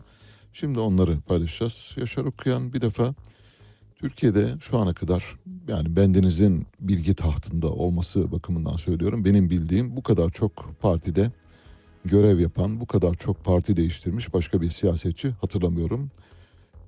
Sadece kendisine ait bir partide siyaset yapmanın dışında 9 ayrı partide siyaset yaptı. Yani yelpazenin sağından soluna en e, radikalinden en muhafazakarına kadar her yerde siyaset yapmayı başarabilmiş bir kişi. Rizeli kendisi Rize Çayeli doğumlu. MHP ve ülkücü kuruluşlar iddianamesini paylaşmıştık hatırlarsanız. MHP ve ülkücü kuruluşlar iddianamesinde Yaşar Okuyan'a ait çok kalın bir bölüm vardı. Böyle bir 30-40 sayfa süren bir bölüm vardı. Bu 30-40 sayfalık bölümde Yaşar Okuyan partinin o yıllarda genel sekreteri aynı zamanda eğitim işlerinden sorumlu. Ülke ocaklarına diskur veriyor. Ülke ocaklarına bir tür takiye yöntemi kullanmaları gerektiğini söylüyor. Kendinizi çok belli etmeyin. Halka e, dış yüzünüzü sergileyin ama içeride nasıl olduğunu sizi ilgilendirir gibi böyle biraz dilemma yaratıcı şeylerden bahsediyordu. Bir tür böyle makyavelist yöntemler diyelim. Onları tavsiye ediyordu. Bu MHP Ülkücü Kuruluşlar iddianamesinde onun ders notları olarak kayıtlara geçmiş durumda. 70'lerde MHP'de başladı yolculuğuna. O yıllarda MHP'nin yayın organı olan Her Gün gazetesinde köşe yazarlığı yapıyordu. Ayrıca Ülkücü Gazeteciler Cemiyeti'nin de başkanıydı. 12 Eylül 1980 askeri darbesinden sonra MHP ve ülkücü kuruluşlar davasında yargılandı. Sonra Anavatan Partisi'ne girdi. Anavatan Partisi bildiğiniz gibi dört eğilimin partisi deniyordu. Turgut Özal kendini öyle lanse ediyordu. Bu dört eğilimin sol kanadını kimler oluşturuyordu? Örneğin Bahattin Yücel, Cavit Kavak gibi DHKPC'den gelen isimler onlar. Eğilim, dört eğilimin sol tarafını. Muhafazakar tarafını kimler oluşturuyordu? İşte Mehmet Keçeciler, Vehbi Dinçerler, Hüsnü Doğan gibi isimler bunlar da Anavatan Partisi'nin muhafazakar kanadını oluşturuyordu. MHP'nin e, Anavatan Partisi'nin ürkücü e, ya da milliyetçi kanadını da Yaşar Okuyan, Namık Kemal Zeybek gibi isimler oluşturuyordu. Özal ve diğerleri de işte e, sözde liberaller gibi düşünmek lazım. Onların arasındaydı. Dolayısıyla bu dört eğilimin dördüncü ayağında yer aldı Yaşar Okuyan ve oradaki milliyetçi cereyanları partiye çekme görev yaptı. Bir tür paratoner olarak kullanıldı. Sonra ANAP'tan istifa etti. 2002 yılında MHP'ye katıldı. Arkasından MHP'den ayrıldı. 28 Mart seçimlerinde Doğru Yol Partisi'nden Yalova Belediye Başkanı'nın adayı oldu ama seçilemedi. 2004'te Ankara'da yeni bir parti kuracağına dair çalışmalar yürüttüğü bildirildi. 28 Şubat sürecinde Hüsamettin Cindoruk ve arkadaşları tarafından kurulan Demokrat Türkiye Partisi'nin başına geçti. 2005 olağan kongresinde partinin adını Hürriyet ve Değişim Partisi olarak değiştirdi. Partinin amblemini de yeşil zemin üzerine güneş olacak şekilde tasarladı. Ve bu parti sadece bu parti Yaşar Okuyan'ın kurduğu parti yani adını değiştirdiği parti Demokrat Türkiye Partisi Hürriyet ve Değişim Partisi'ne dönüştü. Hürriyet ve Değişim Partisi Yaşar Okuyan dahil kaç tane genel başkan değiştirmiş olabilir sizce? Hüsamettin Cindoruk bir başkan, İsmet Sezgin, Mehmet Ali Bayar, Yılmaz Hastürk, Sema Küçüksöz, Önder Günay ve Yaşar Okuyan. Nasıl? Yani bir böyle liderler geçidi yapan tek bir partinin bir ceviz kabuğu kadar bir partiden bahsediyoruz. Sonra 2007'de Cumhuriyet mitinglerine katıldı. 2008'de genel başkanlığını yaptığı Hürriyet ve Değişim Partisi'ni kapattı. Halkın Yükselişi Partisi'ne katıldı. Halkın Yükselişi Partisi Yaşar Nuri Öztürk'ün partisiydi. Yaşar Nuri Öztürk bir süre sonra Yaşar Okuyan'ı partiden ihraç etti. Sonra Yaşar Okuyan'ın yolculuğu bu defa sola doğru başladı. İşçi Partisi'ne girdi, Doğu Perinçek'in partisine ve o zamanki adıyla Vatan Partisi'nde genel başkan yardımcılığına getirildi. Aynı yıl Cumhuriyet Halk Partisi'ne üye oldu. Yani oradan ayrıldı. Cumhuriyet Halk Partisi'ne üye oldu. İyi Parti Genel Başkanı Meral Akşener'i itham ettiği konuşmalardan sonra da ya da girişimlerden sonra da Kemal Kılıçdaroğlu tarafından görevden alındı. Şimdi gideceği parti yok e, ve tek başına gideceği parti kalmadı. Çünkü Türkiye'de parti o kadar çok parti yok. Yani Yaşar Okuyan'ın gidebileceği sayıda parti kalmadığı için şu anda boşta. Yaşar Okuyan'ın bir kardeşi var. Kardeşinin adı Arif. Arif Okuyan. Arif Okuyan bir gün tabii gençlik yıllarında oluyor bu 12 Eylül öncesinde. Bir gün diyor ki ben soyadımı değiştireceğim. Nüfusa başvuruyor. Soyadını Arif Oktober yapıyor. Arif Ekim. Sonra bu Oktober'ı Ekim'e çeviriyor. Yani Arif okuyan aşamalı olarak Arif Oktober, Arif Ekim diye geçiyor. İki kardeş Yaşar Okuyan'ın bir küçüğü e, ve kendisi Komünist Partili e, dev yol, dev sol saflarında bulunmuş önemli bir e, yani devrimci edimleri, fiilleri olan bir kişi. Bunun üzerine işte Ekim soyadını da alarak kendisiyle barışık bir hale geliyor. Abisiyle bağlarını tamamen ortadan kaldırıyor. Arif Ekim'e bir mülakatta sordular. Gülden Aydın'ın yaptığı bir mülakatta. Gülden Aydın bizim eski bir gazeteci arkadaşımız hayatını kaybetti. Çok genç yaşta maalesef. Çok hoş bir röportajı var. O röportajından bazı bölümleri buldum. Oradan paylaşıyorum. Şimdi Arif Ekim'e soru soruyor. Diyor ki Gülden Aydın. Bu geçmişinizle ilgili neler söyleyebilirsiniz? Arif Ekim şöyle diyor Yaşar Okuyan'ın kardeşi soyadını değiştiren Arif Ekim. Geçmişi kurcalamak çok önemli değil. İleriye bakmak gerekiyor. Abimin 12 Eylül öncesi ve sonrasında farklı noktalarda olsak da kardeşlik duygusu içinde yanardağ gibiydi. Hiç unutamıyorum. 1977 1 Mayıs'ında abim Ya ne oldu başına bir iş mi geldi diye aradı, arattırdı. Tabii 12 Eylül sonrasında abimin tutuklandığı dönemde rahmetli annemle birlikte çocuklarına ve ailesine sahip çıktık. Ben de tutuklanacaktım. Neyin ne olacağını kimse bilmiyordu diyor. Birisi sağda, birisi solda, ikisi de tutuklanma endişesi yaşıyor. Sonra bir başka şeyde söyleşi sırasında tabii Yaşar Okuyan araya giriyor. Birlikte yapıyorlar söyleşiyi. Yaşar Okuyan'la Arif Okuyan'a birlikte soru soruyor. Yaşar Okuyan bu arada böyle hani espriler yapıyor sürekli arada. Arif ise son derece net şeyler söylüyor. Mesela diyor İstanbul Üniversitesi'ne girdiğimde 12 Mart henüz olmuştu. Kafamda bir deprem yaratılmıştı. Bizim ailede politika konuşulurdu. Dedem Cumhuriyetçi Köylü Millet Partisi'nden de babam CHP üyesiydi. Aile her yere dağılmış durumda. Yaşar Okuyan şöyle yanıtlıyor. Diyor ki aranızdaki bu farklar neden kaynaklandı diye soruyor Gülden Aydın. O da diyor ki 1967-68'lerde aynı çizgideydik. Milliyetçiydik. Hadiseler başlayınca kardeşimin durumundan tedirgin oldum. Onu okuma yazmaya teşvik ettim. Burası çok önemli. Lütfen dikkate dinleyin. Çok meraklıydı okuma yazmaya. Çünkü ortada doğru dürüst 3-4 kitap bile yoktu. 18 sayfalık 9 ışıktan başka bir şey yoktu. Yani MHP ve ülkücü kuruluşların 12 Eylül öncesi okudukları tek eser bu. 18 sayfalık 9 ışık. Bunun dışında bir şey okumuyorlar. Kendisi söylüyor bakın burada. Diyor ki okuyacağımız 3-4 kitap bile yoktu. Fakat diyor solcular çok okuyordu. Dolayısıyla solculara özeniyorduk biz. 1970'te Kurt Karaca'nın bir kitabı yayınlandı. Kurt Karaca ile ilgili ileriki günlerde birkaç bilgi notu paylaşacağım. Önemli biridir. Yani MHP ve ülkücü kuruluşlar açısından son derece önemli bir karakter. Önemli derken önemini tırnak içine alarak söylüyorum. Sonra Arif Cemil Meriç'in hareket grubuna kaydı diyor. Oradan rotayı sola kırdı. Komünist olmasına, hadiselere girmesine ilişkin endişe yaşadım. Sağda solda kavgalar başlamıştı ve biz Arif'i kaybettik diyor. Kaybettik dedi yani Arif'i sola kurban ettik demek istiyor. Sonra Arif Hekim'e soruyor. Diyor ki soyadınızı ne zaman değiştirdiniz? 1978'de değiştirdim. Baskılar bizi çok bunaltmıştı. Okula gidemiyordum. Mezun olamadım tek dersten. Öyle bunaldım ki kurtulayım bu soyaddan dedim. Mahkemeye başvurdum. Sordular neden Ekim dediler. Dedim ki biz de değiştirelim dedik. Benim yerimde olsanız siz değiştirmez misiniz? Yani Yaşar Okuyan'ın kardeşisiniz ve her gittiğiniz yerde aynı şeyle aynı muameleye tabi tutuluyorsunuz. Oysa ben solcuyum dolayısıyla solcu bir soyadı almak istiyorum diyor. Peki soruyor diyor ki e, Yaşar Okuyan'a kardeşiniz TKP'li siz MHP'lisiniz. Bu sorun oldu mu diye soruyor.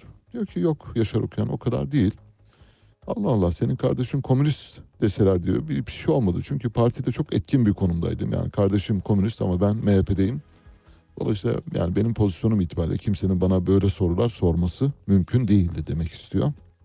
MHP'deki bu arada buyurgan, otoriter anlayıştan bahsediyor. Yani kim, lan kimin ağzına, haddine düşmüş bana soru soracak diye.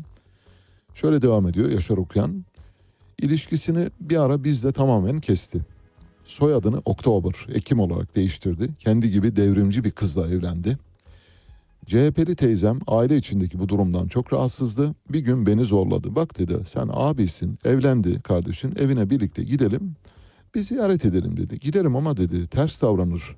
O, o durumda ne yaparız dedim. Gittik, kapıyı açtık. Böyle haberi yokmuş tabii geleceğimden haber vermedik. Eşi geldi kapıdan. Teyzem kendisine hoş geldin dedi. Yani hoş bulduk demesini bekliyor. Eşi şöyle diyor Ekim, e, Arif Ekim'in eşi diyor ki benim faşistlere hoş geldin diye uzatacak elim yok diyor. Şak diye kapıyı kapatmak istiyor. Tabii Arif Ekim ayağını kapının aralığına koyuyor. Dolayısıyla içeri giriyorlar. İçeride diyor çay bile ikram etmediler. Öyle psikolojik bir hava vardı. Aklımdan neler geçtiğini anlatamam. E, kadının kendisi de tam bir militan.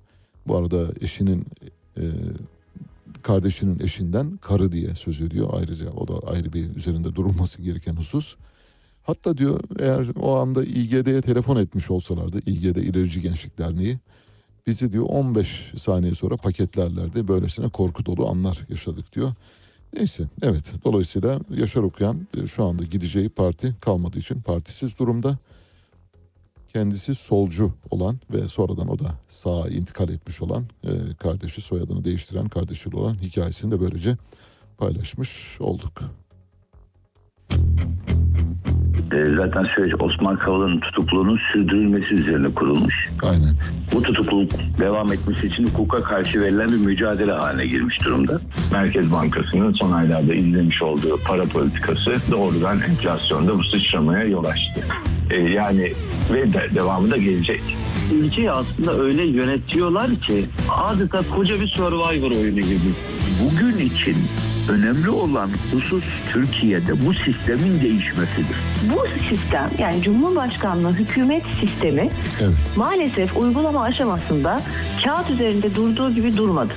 Ali Çağatay'la Seyir Hali hafta içi her sabah 7 ile 9 arasında Radyo Sputnik'te. Evet şimdi seçimler ertelenebilir mi, ertelenemez mi? Bu konuda bir teorik tartışma var hukuk çerçevesinde. Elbette hukuk, hukuk bildiğiniz gibi sadece kanunlara bakarak, kanunların yazdığı şekle bakarak yorumlanmaz. Hukukun bir kanunların bir ruhu, bir de lafzı vardır. Dolayısıyla kanunların ruhuna göre konuşacak olursak seçimlerin ertelenmesiyle ilgili bir e, dayanak var.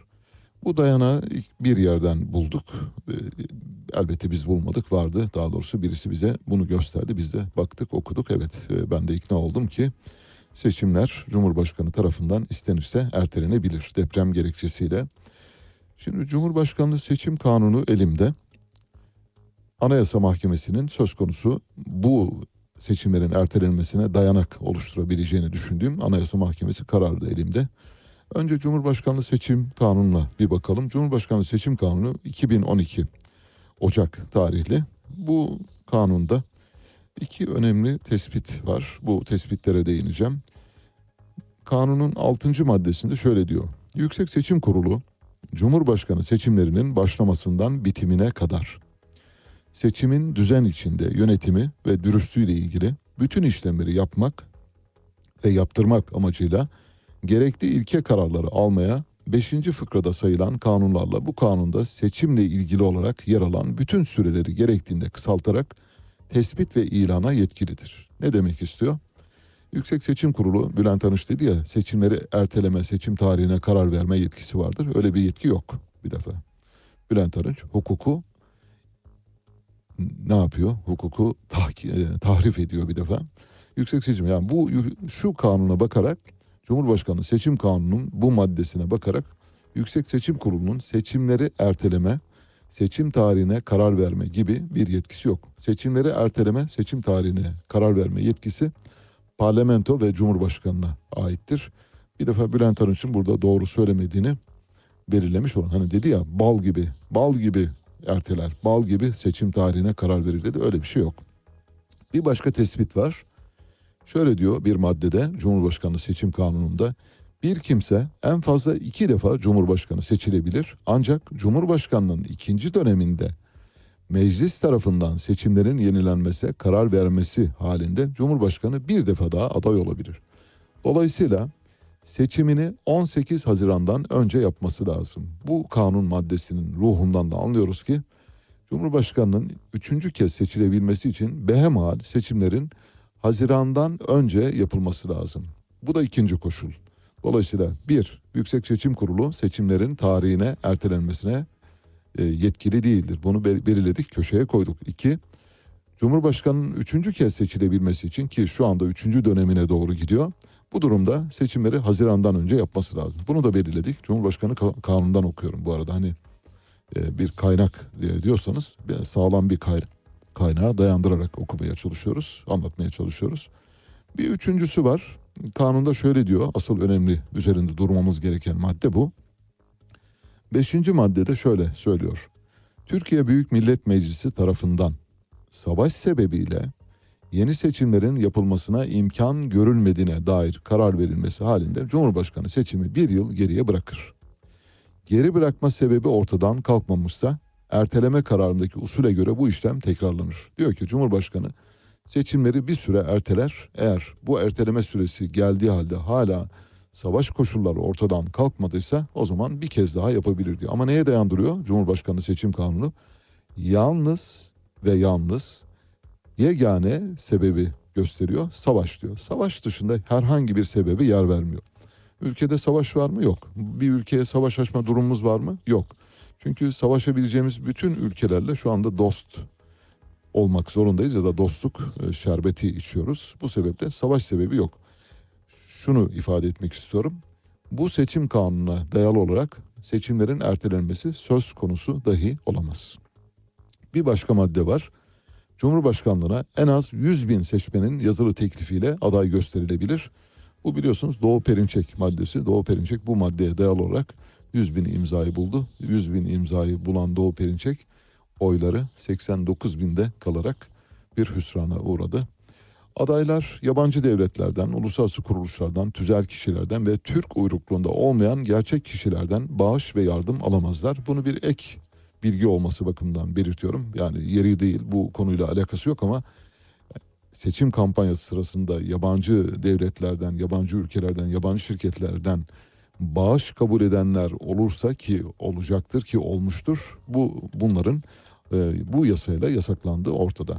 Adaylar Yüksek Seçim Kurulu tarafından belirlenecek adaylık başvuru süresi içinde mal bildiriminde bulunmak zorundadır. Seçilen adayın mal bildirimi seçim sonuçlarının kesinleşmesini mütakip resmi gazetede yayınlanır diyor. Bunun da konumuzla alakası yok ama yeri gelmişken değinelim istedik bu iki konuya. Şimdi gelelim Anayasa Mahkemesi kararına. Anayasa Mahkemesi kararı Haziran 2012 tarihinde alınmış bir karar. Cumhuriyet Halk Partisi Cumhurbaşkanlığı seçim kanununun iptali istemiyle Anayasa Mahkemesi'ne gitti. Cumhurbaşkanı seçim kanunu Ocak 2012'de çıktı ve Cumhuriyet Halk Partisi de Haziran 2012'de bu kanunu Anayasa Mahkemesi'ne götürdü. Şimdi Anayasa Mahkemesi 6 ay sonra şöyle bir karar veriyor. Seçimlerin geri bırakılması ile ilgili maddeden bahsediyor. Diyor ki seçimin geri bırakılması Türkiye Büyük Millet Meclisi tarafından savaş sebebiyle yeni seçimlerin yapılmasına imkan görülmediğine dair karar verilmesi halinde Cumhurbaşkanı seçimi bir yıl geriye bırakılır. Devamı halinde yine savaş varsa devam ediyorsa bir yıl daha uzatabilir diyor. İptali istenen maddelerden bir tanesi bu. Şimdi Cumhuriyet Halk Partisi diyor ki bu maddeyi iptal edin. Şimdi Anayasa Mahkemesi bu maddenin iptaliyle ilgili görüşünü açıklıyor. İşte dananın kuyruğunun koptuğu yer burası.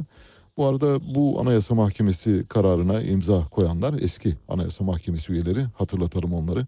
Mesela o dönemde Haşim Kılıç Başkan şu anda muhalif kendisi. Serruh Kaleli üyelerden biri Alparslan Altan, Fulya Kantarcıoğlu, Mehmet Erten, Serdar Özgüldür, Osman Ali Feyyaz Paksüt, Recep Kömürcü, Burhan Üstün, Engin Yıldırım, Nuri Necipoğlu, Hicabi Dursun, Celal Mümtaz Akıncı, Erdal Tercan.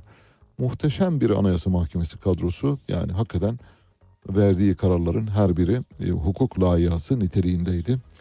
Şimdi gelelim seçimler ertelenebilir mi maddesine. Anayasa Mahkemesi diyor ki Şimdi buraya lütfen dikkatle takip ediniz. Seçimlerin ertelenmesine karar verilebileceği 78. maddede yazıyor diyor. Tamam diyor. Evet olabilir. Bu kuralda ertelenir denilmekte. Türkiye Büyük Millet Meclisi'nin iradesinin ortadan kaldırıldığı bu nedenle kuralın anayasanın 78. maddesine aykırı olduğu, diğer taraftan Cumhurbaşkanı seçiminin 102. maddede düzenlenen seçimlerin geri bırakılmasına ilişkin bir hüküm bulunmamasına rağmen iptali istenen hükmün anayasada Türkiye Büyük Millet Meclisi seçimlerinin geri bırakılmasına ilişkin son derece istisnai bir kuralı Cumhurbaşkanlığı seçimine teşmil edip anayasa değişikliği yoluyla yapılması gereken bir düzenlemeyi kanun yoluyla yaptığı belirtilerek düzenlemenin anayasaya aykırı olduğu ileri sürülmüş. Cumhuriyet Halk Partisi diyor ki bunun bir e, istisnai bir kural halinde değil bir yasa halinde olması lazım. Biz buna karşıyız diyor. Şimdi iptali istenen kural Türkiye Büyük Millet Meclisi tarafından savaş sebebiyle yeni seçimlerin yapılmasına imkan görülmediğine dair karar verilmesi halinde Cumhurbaşkanı seçiminin bir yıl geriye bırakılmasına bir yılın sonunda geri bırakma sebebi ortadan kalkmamışsa aynı usulde tekrar. Bu anayasa Cumhurbaşkanı seçim kanunundaki maddeyi aynen almış. Şimdi geliyoruz Anayasa Mahkemesi'nin içtihat niteliğindeki kararına. Şöyle diyor. Anayasanın 102. maddesinde Cumhurbaşkanı seçimine ilişkin temel hususlar düzenlenmiş ve son fıkrada Cumhurbaşkanlığı seçimine ilişkin usul ve esasların kanunla düzenleneceği hükmüne yer verilmiştir. Ayrıca maddede Cumhurbaşkanı göreve başlayıncaya kadar görev süresi dolan Cumhurbaşkanının görevinin devam edeceği hükme bağlanmıştır. Dolayısıyla anayasa koyucu yeni Cumhurbaşkanının seçilmemesini bir boşalma hali olarak değerlendirmemiş. Bu nedenle görev süresi bitmiş olsa bile yeni seçilen Cumhurbaşkanı göreve başlayıncaya kadar eski Cumhurbaşkanının göreve burası çok önemli değil. Elbette bir e, makama yenisi seçilinceye kadar eskisi göreve devam eder. Bütün yani evrensel hukukta da bu böyledir. Şimdi Anayasa Mahkemesi diyor ki seçim yapılmasa da Cumhurbaşkanı görevine devam eder. Şimdi buradaki asıl asıl üzerinde durmamız gereken nokta bu. Seçimler ertelendiği takdirde Cumhurbaşkanı yeniden seçilemeyeceğine göre mevcut Cumhurbaşkanı göreve devam eder. Orada bir tartışma yok. Onu kaldırıyor atıyor bir kenara. Seçimin yapılmaması otomatik olarak Cumhurbaşkanının görev süresini uzatıyor. Burada bir anlaşalım. Seçim ertelendiği takdirde Cumhurbaşkanının görev süresi uzuyor. Ne kadar uzuyor? İşte uzatma dönemlerine Cumhurbaşkanı kendisi karar veriyor. Asıl bomba şurada. Şimdi geliyor. Şöyle diyor Anayasa Mahkemesi.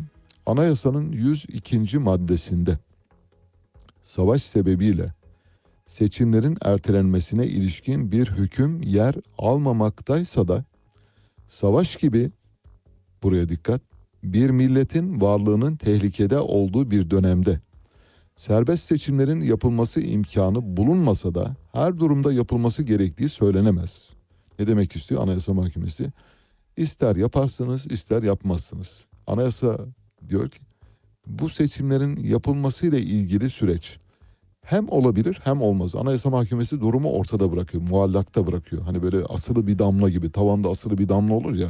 Ne zaman düşeceğini bilmezsiniz ve bir gün pat diye başınıza düşer. İşte asılı damla yöntemi kullanıyor. Maddenin son fıkrasında yer alan Cumhurbaşkanlığı seçimine ilişkin usul ve esasların kanunla düzenleneceği hükmüne dayanarak kanun koyucunun Cumhurbaşkanı seçimine ilişkin diğer hususların şimdi buraya dikkat zaten bitiriyorum şu anda. Savaş gibi mücbir bir sebep nedeniyle yani söz konusu sebeplerin yanı savaş gibi mücbir. Şimdi savaş gibi mücbir sebep deyince aklınıza ne geliyor? Benim aklıma bölgesel ve genel bir deprem geliyor işte. Anayasa Mahkemesi diyor ki savaş ve benzeri mücbir sebeplerle seçimlerin ertelenmesi söz konusu olabilir. Oysa Cumhurbaşkanlığı seçim kanununda sadece savaştan bahsediyor. Savaş dolayısıyla Cumhurbaşkanı seçimi erteleyebilir bir yıl. Arkasından savaş devam ediyorsa bir yıl daha erteleyebilir diyor. Fakat Anayasa Mahkemesi kararı buna bir yorum ve iştihat kazandırarak diyor ki savaş gibi sebepler dolayısıyla büyük bir sel felaketi, büyük bir heyelan, büyük bir kıtlık, büyük bir kuraklık, bir iç savaş Allah göstermesin ya da işte büyük bir deprem gibi sebepler işte bu mücbir sebepler arasına girer. Burada tabii Anayasa Mahkemesi bütün bu saydıklarımı tek tek saymıyor ama savaş gibi diyerek aslında kapsamı genişletiyor. Diyeceksiniz ki peki buradan e, seçimlerin ertelenmesi kararı çıkar mı? Evet çıkar. Çünkü Anayasa Mahkemesi kararları anayasanın üzerinde içtihat oluşturur. Anayasanın öngörmediği, anayasa yazıldığı zaman öngörülmeyen herhangi bir şey varsa Anayasa Mahkemesi kararlarına başvurulur. Derler ki bir dakika biz anayasayı yazarken burayı eksik bırakmışız. Dolayısıyla yapmamız gereken başka bir şey var. Ödevimiz şu. Bakalım Anayasa Mahkemesi. Şimdi dönecekler diyecekler ki Anayasa Mahkemesi'nin böyle bir karar var. Karar ne diyor? Bir kez daha söylüyorum. Cumhurbaşkanı seçimine ilişkin diğer hususların yanı sıra savaş gibi mücbir bir sebep nedeniyle seçimin yapılmasına imkan bulunmayan hallerde seçimin ertelenmesini düzenlemede anayasaya aykırı bir yön bulunmamaktadır. Ne demek istiyor? Tabii ki yapabilirsiniz diyor. Tabii ki. Şimdi bilmiyorum yeterince ikna edici mi değil mi? Burada bendeniz taraf değilim. Ee, beni bu konuda taraf olmakla itham eden izleyicilerimiz oldu. Hatta bir izleyicimiz e, şöyle şey yazdı. Dedi ki geçtiğimiz günlerde Fahrettin Altun'un medyadaki dezenformasyonla ilgili maddelerini sayarken ona hak verdiniz. Dün de şunu yaptınız ben artık sizi izlemiyorum dedi. Canı sağ olsun izleyebilir izlemeyebilir. Yani biz e, saygılıyız bu görüşlere. İzlese de olur izlemese de onun bizim kalbimizdeki yeri bambaşka. Ama Şu söz konusu karardan dolayı da beni aynı şekilde itham edenler oldu. Beni hatta taraf değiştirmekle suçlayanlar oldu. Öyle bir şey yok. Burada iki tane önemli layihayı sizinle paylaştım. Kelime kelime yorumlayarak okumaya çalıştım. Anayasa Mahkemesi kararları anayasanın üzerinde bir iştihattır. Anayasada öngörülemeyen, öngörülmeyen, yazılmayan herhangi bir konuyu aramak istiyorsanız gidiyorsunuz Anayasa Mahkemesi kararlarına bakıyorsunuz. Diyelim ki Anayasa Mahkemesi kararlarında da yok. Uluslararası mahkemelerin kararlarına bakıyorsunuz. Avrupa İnsan Hakları Mahkemesi. Avrupa İnsan Hakları Mahkemesi iç hukukun üzerindedir. Dolayısıyla orada bile bulabilirsiniz. Orada var mı yok mu bilmiyorum ama ben bir tane buldum. Anayasa Mahkemesi kararı diyor ki seçim savaş ve benzeri mücbir sebeplerle ertelenebilir. Seçimlerin ertelenmesinde hiçbir sakınca yoktur diyor. Peki kaldı bir e, yaklaşık 10 dakikamız. 10 dakika içinde de size küçük bir ara verelim mi? Ben Ali Çağatay, Radyo Sputnik'te seyir halindesiniz. Müthiş bir Kuzuların Sessizliği filmi oynanıyor şu anda maalesef. Kimsenin sesini çıkarmadığını görüyoruz. Bu devletin kadim devlet, bani devlet, baba devlet olması ilkesiyle bağdaşmıyor. Habercilik, birilerinin verilmesini istemediği olayları açıklamak ve kamuoyuyla paylaşmaktır. Bu kapsamın dışında kalan olayları vermek habercilik değil, halkla ilişkiler faaliyetidir. George Orwell Ali Çağatay'la Seyir Hali hafta içi her sabah 7 ile 9 arasında Radyo Sputnik'te. Şimdi e, hurafeyi defetme bölümündeyiz. Bir 10 dakika kadar vaktimiz var. 10 dakika sonra Hakan Öztürk'le bir telefon bağlantısı yapacağız. Hakan Öztürk Emekçi Hareket Partisi kurucusu. Kendisi deprem bölgesinde inşa edilecek e, binalarla ilgili ve bu bölgedeki ilk yardım kurtarma ve enkaz kaldırma çalışmalarıyla ilgili e, görüşlerini bizimle paylaşacak. Depremin başından beri özellikle Türkiye'deki sol partiler, irili ufaklı sol partiler, Türkiye Komünist Partisi'nin edimlerini paylaşmıştık hatırlarsanız. TKP, İşçi Partisi ve Emekçi Hareket Partisi, Emek Partisi gibi partilerin bölgedeki gönüllülerinin çok büyük işler başardıklarını görüyoruz. Az sayıda insan ama çok nitelikli işler yapıyorlar. Hem bölgede olup bitenleri konuşacağız hem de geleceğe ışık tutmaya çalışacağız. Şimdi bir hurafi defetme dönemindeyiz. Evlerden Irak olsun diyelim.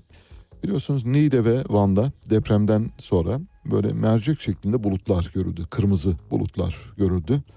Bu bulutların neye delalet ettiğine dair epey bir tartışma çıktı.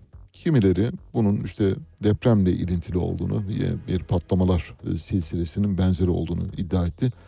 Bir kısım insanlar da bunları UFO'ya benzetti ve UFO'ların dünyayı ziyaret ettiklerini ifade ettiler. Şimdi kırmızı bulutlar, mercek bulutları ne anlama gelir derseniz bir defa işte bulut yani yeryüzünde buharlaşan tabakanın yukarıya doğru çıktıkça soğuyarak küçük buz kristallerine dönüşmesi, bu buz kristallerinin de bir küme haline gelmesi, kümelenerek bir buluta dönüşmesi bir süre sonra yer çekiminin de etkisiyle yani bulut o kadar ağırlaşıyor ki bir süre sonra yer çekiminin etkisiyle iniyor. Yeryüzüne ya yağmur ya dolu ya e, kar olarak inebiliyor. Bu bir e, meteorolojik hadise. Dolayısıyla bu meteorolojik hadiseyi getirip böyle kırmızı bulutlar deprem habercisi ya da kırmızı bulutlar e, gökyüzünde gördük. E, demek ki UFO'lar geliyor, uzaylılar bizi ziyaret ediyor diye düşünüyorsanız öyle değil. Tamamen bir meteorolojik, coğrafi olaydan bahsediyoruz. Orta çağda biliyorsunuz tanımlanamayan cisimler için hep böyle korku dolu anlar yaratırdı. Orta çağda tanımlayamıyorsunuz. Ona bir şey atfediyorsunuz. İlk çağda bu çok daha derin tabii tanrılara atfediyorsunuz. Orta çağda din var. Dolayısıyla dini kurumlar bu tanımlanamayan, korku duyulan şeyleri sizden uzaklaştırmak için işte günah çıkarma ayinleri, cennetin altın anahtarı gibi şeylerle sizi ödüllendiriyorlardı. Birçok bulut türü var. Mesela bunlardan bir tanesi Sirius bulutu. Kıvrım ve bukle şeklinde olanlara Sirius bulutları diyoruz. Bir de Cumulus bulutları var. Cumulus bulutları da yığın anlamına geliyor. Latince'de yığın demek zaten. Böyle topak topak olursa. Bir bulut türü stratus bulutu. O da yaygın anlamına geliyor yine Latince'de. Yayılmış, dağınık biçimde duran. Ee, Bir de nimbus bulutları var. Nimbus bulutlar da hale şeklinde böyle etrafını sarar bir e, cismin etrafında bir yuvarlak oluşmuş gibi bir şey vardır. Bu bulutların işte her birinin bir altosu var. Alto Latince'de yüksek anlamına geliyor. Yani alto cirrus dediğiniz zaman yüksek cirrus, alto cumulus dediğiniz zaman yüksek cumulus, alto stratus dediğiniz zaman yüksek e, stratus, alto nimbus dediğiniz zaman yüksek nimbus anlamına geliyor. Genellikle 5-13 kilometreye kadar yükselebiliyor bulutlar. En yüksek bulutlar 13 kilometrede şekilleniyor. Ondan sonrasında bulut oluşumu yok. Orta seviyede 2-7 kilometre aralığında bir bulut oluşumu. Alçak seviyede de 0-2 kilometrede bulut oluşabiliyor. Gündüzleri gördüğünüz sis mesela dün İstanbul'da vardı. Bugün de hafif bir sis vardı. O sis aslında bulut. Sis bulutun gökyüzüne yükselemeyen haline diyoruz. Yani yoğunlaşmış gökyüzüne çıkmak istiyor. Fakat yeterince hafif değil. Dolayısıyla hafifleyemediği için yeryüzünde kalıyor. Bulutlardan en çok görüleni stratüs. Stratüsler geniş bir alanda ve gri tonlarda olur. Kümülüsler alçak alanlarda ve daha çok soğuk havalarda buz kristalleri yapar. Kubbe şeklinde görünüm sunarlar. Stratokümülüsler beyaz, katmanlı ve yuvarlak kütlelerden oluşuyor. Kümülo telefonumuzu bağlayabiliriz bu arada. Kümülonimbüsler alçak bulutlardan ve koyu renkli. Altostratüsler var. Orta yükseklikteki bulutlar hafif yağmurlara sebep olabiliyor. Nimbostratüsler yine orta seviyedeki bulutlar. Bunlar gri ve güneşi örtüyor. Güneşin önüne gelirler ve yeryüzünü kapkaranlık hale getirirler. İşte yağmur da bu bulutların yeryüzüne inme e, girişimleri sırasında ortaya çıkıyor. Gece parlayan bu mercek görünümü veren, Van'da görünen, e, Niğde'de görülen bulutlar buna gece parlayan bulut diyoruz. İşte şamanlar bu bulutlara bakarak insanlığın geleceğini tayin ederlerdi. Gece bulutları gece parlayan bulutlar ya da alacakaranlıkta üst atmosferde görülen bir tabaka kutup bulutlarının çok parlak ve her tarafa yayılan uçları parçalanmış gibi olmasıyla kendini gösteriyor. Sadece güneş ufkun altındayken gözlenir. Güneş varken göremiyoruz. İşte o yüzden geceleri görüyoruz. Gece görünce de tabii anlamlandıramıyoruz. Bunun bir deprem habercisi olduğunu söylüyoruz.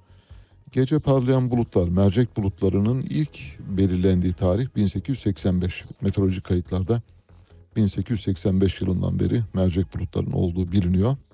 Deprem bölgesinde tabii bildiğiniz gibi işte çöken binaların, kaldırılan enkazın yarattığı bir toz var. Toz su buharıyla birleşiyor ve tozla su buharı birlikte yukarı doğru çıkınca işte bu sözünü ettiğimiz bulutlar ortaya çıkıyor. Yani tozla karışmış biliyorsunuz hava kirliliği yani sera e, gazı dediğimiz şey seranın içinde sera gazı dediğimiz işte metan gazı, karbondioksit ve su buharından oluşuyor. Şimdi siz su buharını bir de toz ilave ederseniz o zaman bulutun rengi nereye doğru dönüyor? Kırmızıya doğru dönüyor. Hani böyle bir kafanızda soru işareti varsa biriniz ki deprem bölgesindeki aşırı tozlaşma o kırmızı bulutları gösteriyor. Gece görülmesinin sebebi de gündüz güneş ufku varken, güneş henüz e, gökyüzündeyken ufukta kararmamışsa onları göremiyorsunuz. Güneş battıktan sonra o güneşin parlaklığına yakın bir parlaklık sunduğu için onları görebiliyoruz. Böylece kırmızı bulutların oluşum mekanizması ile ilgili bilgileri de paylaşmış olduk. Evet geldik telefon bağlantısı saatimize. Hakan Öztürk'le konuşacağız. Emekçi Hareket Partisi kurucusu ve aynı zamanda genel başkanı. Hakan Bey hoş geldiniz. Hoş bulduk. İyi yayınlar. Çok teşekkürler. Şimdi siz bir deprem kongresi toplanmasını istiyorsunuz, talep ediyorsunuz. Ben de bence de çok yerinde. Sadece deprem kongresiyle sınırlı değil, aynı zamanda Türkiye'nin bir deprem bakanlığı olması gerektiğini de e, söylüyorsunuz. Ve asıl önemlisi belki bugün üzerinde çok fazla duracağımız ben yayının başında bir parça dile getirdim. Diyorsunuz ki İstanbul'u taşımalıyız. Ben de aynı kanaatteyim. İstanbul'daki çok hafif sanayiler hariç yani yazılım ve biyoteknoloji ile uğraşan sanayiler dışında bütün sanayinin yani beyaz eşya, otomobil, yedek parça aklınıza gelebilecek hatta gıda sanayi de dahil olmak üzere hepsinin taşınması lazım. Nereye? İşte Türkiye'nin deprem bakımından daha güvenli olduğunu düşündüğümüz İç Anadolu çanağına taşınması lazım. Bu taşındığı takdirde İstanbul depremi daha az yıkıcı olacaktır. İstanbul'da nüfus seyredecektir. Dolayısıyla İstanbul aslında karmaşık ve kaotik bir e, metropol olmaktan da çıkacaktır diye düşünüyorum. Yaklaşık 10 dakika vaktimiz var. Hem deprem kongresini hem e, taşınma e, girişimlerini hem de deprem bakanlığı ile ilgili görüşlerinizi bu arada tabii deprem bölgesinde yürüttüğünüz faaliyetlere ilişkin, gönüllü faaliyetlerinize ilişkin de birkaç şey paylaşabilirseniz sevinirim. Buyurun. Tabii ki. Ya şimdi zaten siz de söylediniz. Ee, ülkede bir kere genel olarak depremle ilgili yönümüzü tayin etmemiz gerekiyor. En önemli mesele bu. Evet. Yani bunun bir boyutu evet Türkiye'de sanayi aşağı yukarı e, ülkenin neresinde olmalı? Bunu bunu düşünüyor olmalıyız. Neden düşünüyor olmalıyız? Yani bütün bu deprem bilimcilerin açıkladığı gibi böyle bir tahminde bulunacağımız acaba ülkemizde deprem olur mu ol, olmaz mı var mıdır yok mudur diye tartışacağımız bir ülke değiliz biz. E, bütün fay hatlarının birleştiği bir ülkeyiz. Evet. Ve bu anlamıyla her halükarda deprem bizim gündemimizde. Ve deprem bizim gündemimizde ise biz bu depreme göre nüfusumuz nasıl olacak? Nasıl bir yerleşim içerisinde olacak? Buna bağlı olarak yani bunun yönlendiricisi olarak yani nüfusu belli bir bölgeye yönlendiren faktör olarak sanayi nerede olacak? Bunları dahi düşünmeliyiz. O açıdan bu olay sadece şu da şu bile değil. Yani ev yapılırken e, şuna mı dikkat ettik? Ev yapılırken müteahhiti şöyle mi kontrol ettik konusu bile değil. Tabii. Genel olarak şehirlerimizi nereye kuracağız meselesini bir kere önümüze koymalıyız. Ama bütün bunu önümüze koyabilmek için, bütün bunlarla ilgili sağlam bir dayanak elde edebilmek için yani sırtımızı gerçekten bilimsel, gerçekten düşünülmüş, gerçekten e, büyük incelemeler sonucunda ortaya çıkmış bir bilgiye dayayacaksak Evet. elbette ki bir kongre toplamalıyız ve bilim adamları ne diyor diye dinlemeliyiz. Bu konudaki uzman mesleki kuruluşlar ne diyor diye dinlemeliyiz. Hakeza halk temsilcileri ne diyor diye dinlemeliyiz. Ve bunun sonucunda demeliyiz ki bu e, yani çok kapsamlı olarak yaptığımız tart- tartışmalar sonucunda, değerlendirmeler sonucunda, raporlar sonucunda şu şu şu kararlara vardık. Yani bu sadece e, ara sıra konuştuğumuz bir konu olarak kalmış olmamalı. Tabii. Ve bu an, bu anlamıyla yani nasıl bir anayasa oluşturuyorsak deprem konusunda da kendimize bir anayasa oluşturmalıyız. Bir temel temel metin oluşturmalıyız. Temel dayanak oluşturmalıyız ve ona göre bundan sonra hareket etmeliyiz. O anlamıyla da biz Emekçi Hareket Partisi olarak diyoruz ki eğer böyle bir şey olabilirse buna sırtımızı yaslayabiliriz ve biz bundan sonra politik programımızın bir parçası olarak bunu söyleyebiliriz. Nasıl iktisadi sorunlara ilişkin Emekçi Hareket Partisi kendi görüşlerini söylüyorsa şöyle şöyle olmalı diye nasıl işsizliğe karşı, nasıl enflasyona karşı bütün kesimler çıkıp bir görüş ortaya koyuyorsa deprem konusunda da bu şekilde bir anlaşmaya vardığımız yani bir, diyelim ki bir kongre e, toplanması yöntemiyle bir anlaşmaya vardığımız e, bir temel yaklaşıma dayanıyor olmalı. Eğer bir temel yaklaşım ol, olmazsa zaten deprem bilimcilerin son dönemde her yerde çıkıp söylediği konuları kontrol etmekten uzak düşüyoruz. Yani Tabii. sanayi gerçekten nerede olmalı? Nüfus nerede yoğunlaşmalı? Yoğunlaşıyorsa yani yerleşim alanlarını nasıl inşaat et- etmeliyiz? Kentlerimiz nerede olmalı? Oluyorsa diyelim ki kentler için belli bir bölge belirlediysek o bölgede tam olarak şehir nerede oluşturulmalı? Bu açıdan en temelde bu belirlemeleri yapabilmek için e, bu kadar önemli bir e, karar verişe ihtiyacımız var diye söylüyorum. O nedenle e, kongre konusunu dile getiriyorum ve tabii bu da yeterli değil.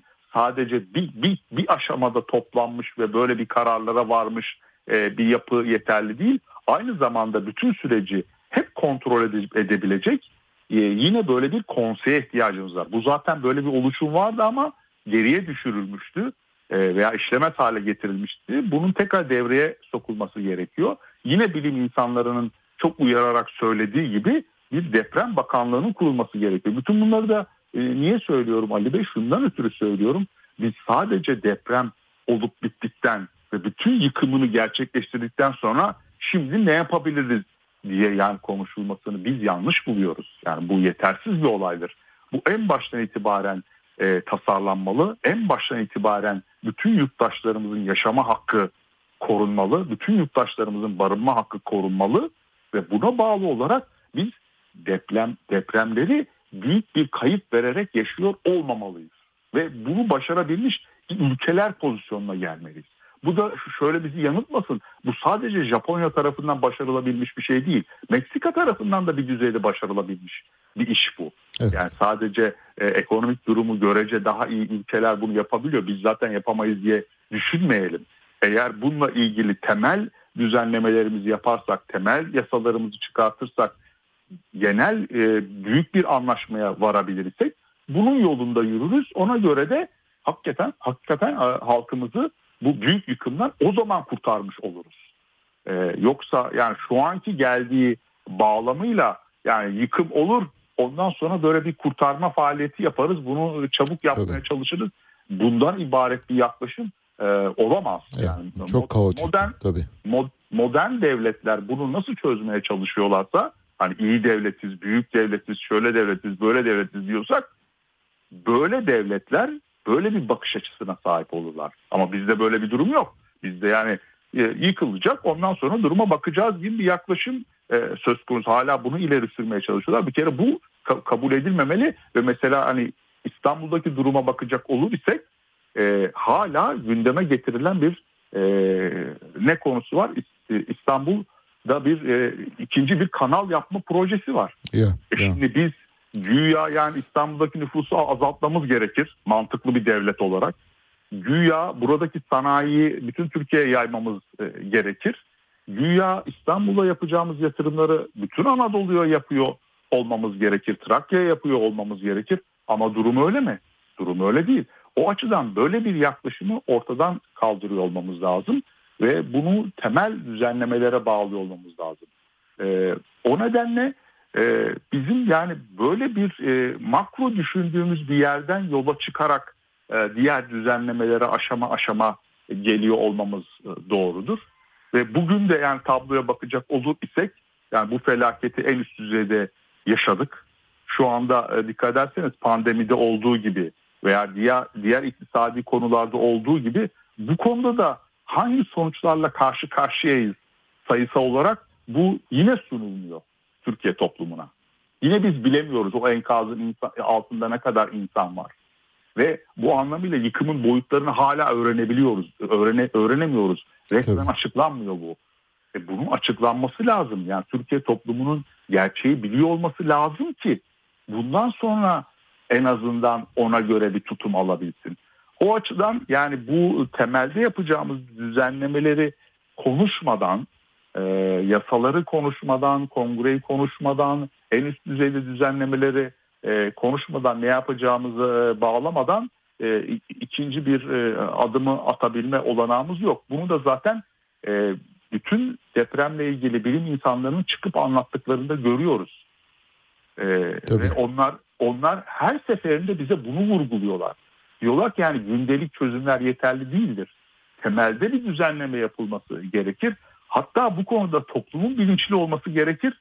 Hatta yapılması gerekenleri politik olarak ortaya koyması gerekir. Naci Görür diyor ki yani ben mitinglerde yani çıkıp konuşan insanların depremle ilgili şunların yapılması gerekir dediğini görmüyorum diyor. Aynı zamanda topluma ilişkinde diyor ki ben o mitinge katılan insanların bizim biz bizim e, can güvenliğimiz sağlanmalıdır gibi bir istek ileri sürdüklerini de görmüyorum diyor. Böyle bir pankart açıldığını görmüyorum diyor. Bunun olması gerek, gerekir diyor. Bu anlamıyla da neyi ileri sürüyor? Buradaki politik boyutu ileri sürüyor. Halkın bilinçli oluşunu ileri sürüyor. Bu ortaya çıkmadığı takdirde yönetenler üzerinde böyle bir denetim kurulmadığı takdirde, Evet. böyle bir etki kurulmadığı takdirde bu başarılamaz demek istiyor. Yani halk kendi can güvenliğini ileri sürmüyorsa, bunu, Evet. bunu talep etmiyorsa, bunun gereklerini yerine getirin demiyorsa, bu anlamıyla kendisinin karşısına çıkan siyasetçi bu yönüyle sorgulamıyorsa e, bu işe zaten bir çözüm getiremeyiz diyor. Bunu. E, Naci Görür en üst düzeyde siyasetle ilgilenen ve siyasete çok merak olan bir insan olduğu için söylemiyor. Bunun başka bir yolu yok. Tabii. Bu konuda toplumsal bir bilinç oluşturuyor olmamız gerekir. E, o açıdan da sizin ilk baştan e, yani zikrettiğiniz e, konuların e, olduğu koşullarda bir toplumsal bilinç uyanabilir diye düşündüğüm için ben de onların ısrarlı olarak e, yani önericisi Peki. pozisyonda oluyorum. Peki Hakan Bey çok teşekkürler e, katıldığınız için. E, Emekçi Hareket Partisi kurucusu ve Genel Başkanı Hakan Öztürk'le konuştuk. Bir deprem konseyi toplanması gerektiğini söylüyor. Ayrıca e, deprem bölgesinde yani İstanbul'dan e, sanayinin taşınması gerektiğini, İstanbul'un seyrek, seyreltilmesi konusunda çalışmaların bugünden yürütülmesi gerektiğini ifade ediyor. Bitirdik. Bugünün de sonuna geldik. Bu programı kumanda masasında Ege Akgün, editör masasında Harun Erozbağ'la birlikte gerçekleştiriyoruz. Şu anda dinlemekte olduğunuz e, sanatçı Mudo Mokhtar. Kendisi bir Tuareg. Tuaregler Kuzeybatı Afrika'da, Nijer'de, Mali'de, Burkina Faso'da, Libya'da ve Cezayir'de dağınık olarak yaşayan ve köklerini bugüne kadar sürdürebilme, yeknesak biçimde bozulmadan sürdürebilen nadir insan türlerinden birini oluşturuyor. Farklı gelenekleri ve farklı bir kültürleri var. Ana erkil bir e, toplum yapısına sahipler. Kadınlar orada söz sahibi. Erkekler kadınların karşısına çıkarken yani nikah düşen kadınların karşısına çıkarken peçeyle çıkıyorlar. Nitekim Mudo Mokhtar da bu parçaların pek çoğunda peçeyle söylüyor. Hatta merak edenler bakabilirler, takip edebilirler. Kızıl kıl çadırlarda yaşıyorlar ve Afrika'nın e, iç kısımlarında daha çok yoksulluğun, kuraklığın egemen olduğu bölgelerde bulunuyorlar. Örneğin Libya'da e, Trablusgarp ve Bingazi hükümetleri dışında bir de güneyde aslında bir Tuareg devleti var. Ancak bu devlet çok fazla göz önünde değil. İşte Mo- Mokhtar onlardan biri. Evet hepinize çok güzel bir gün diliyorum.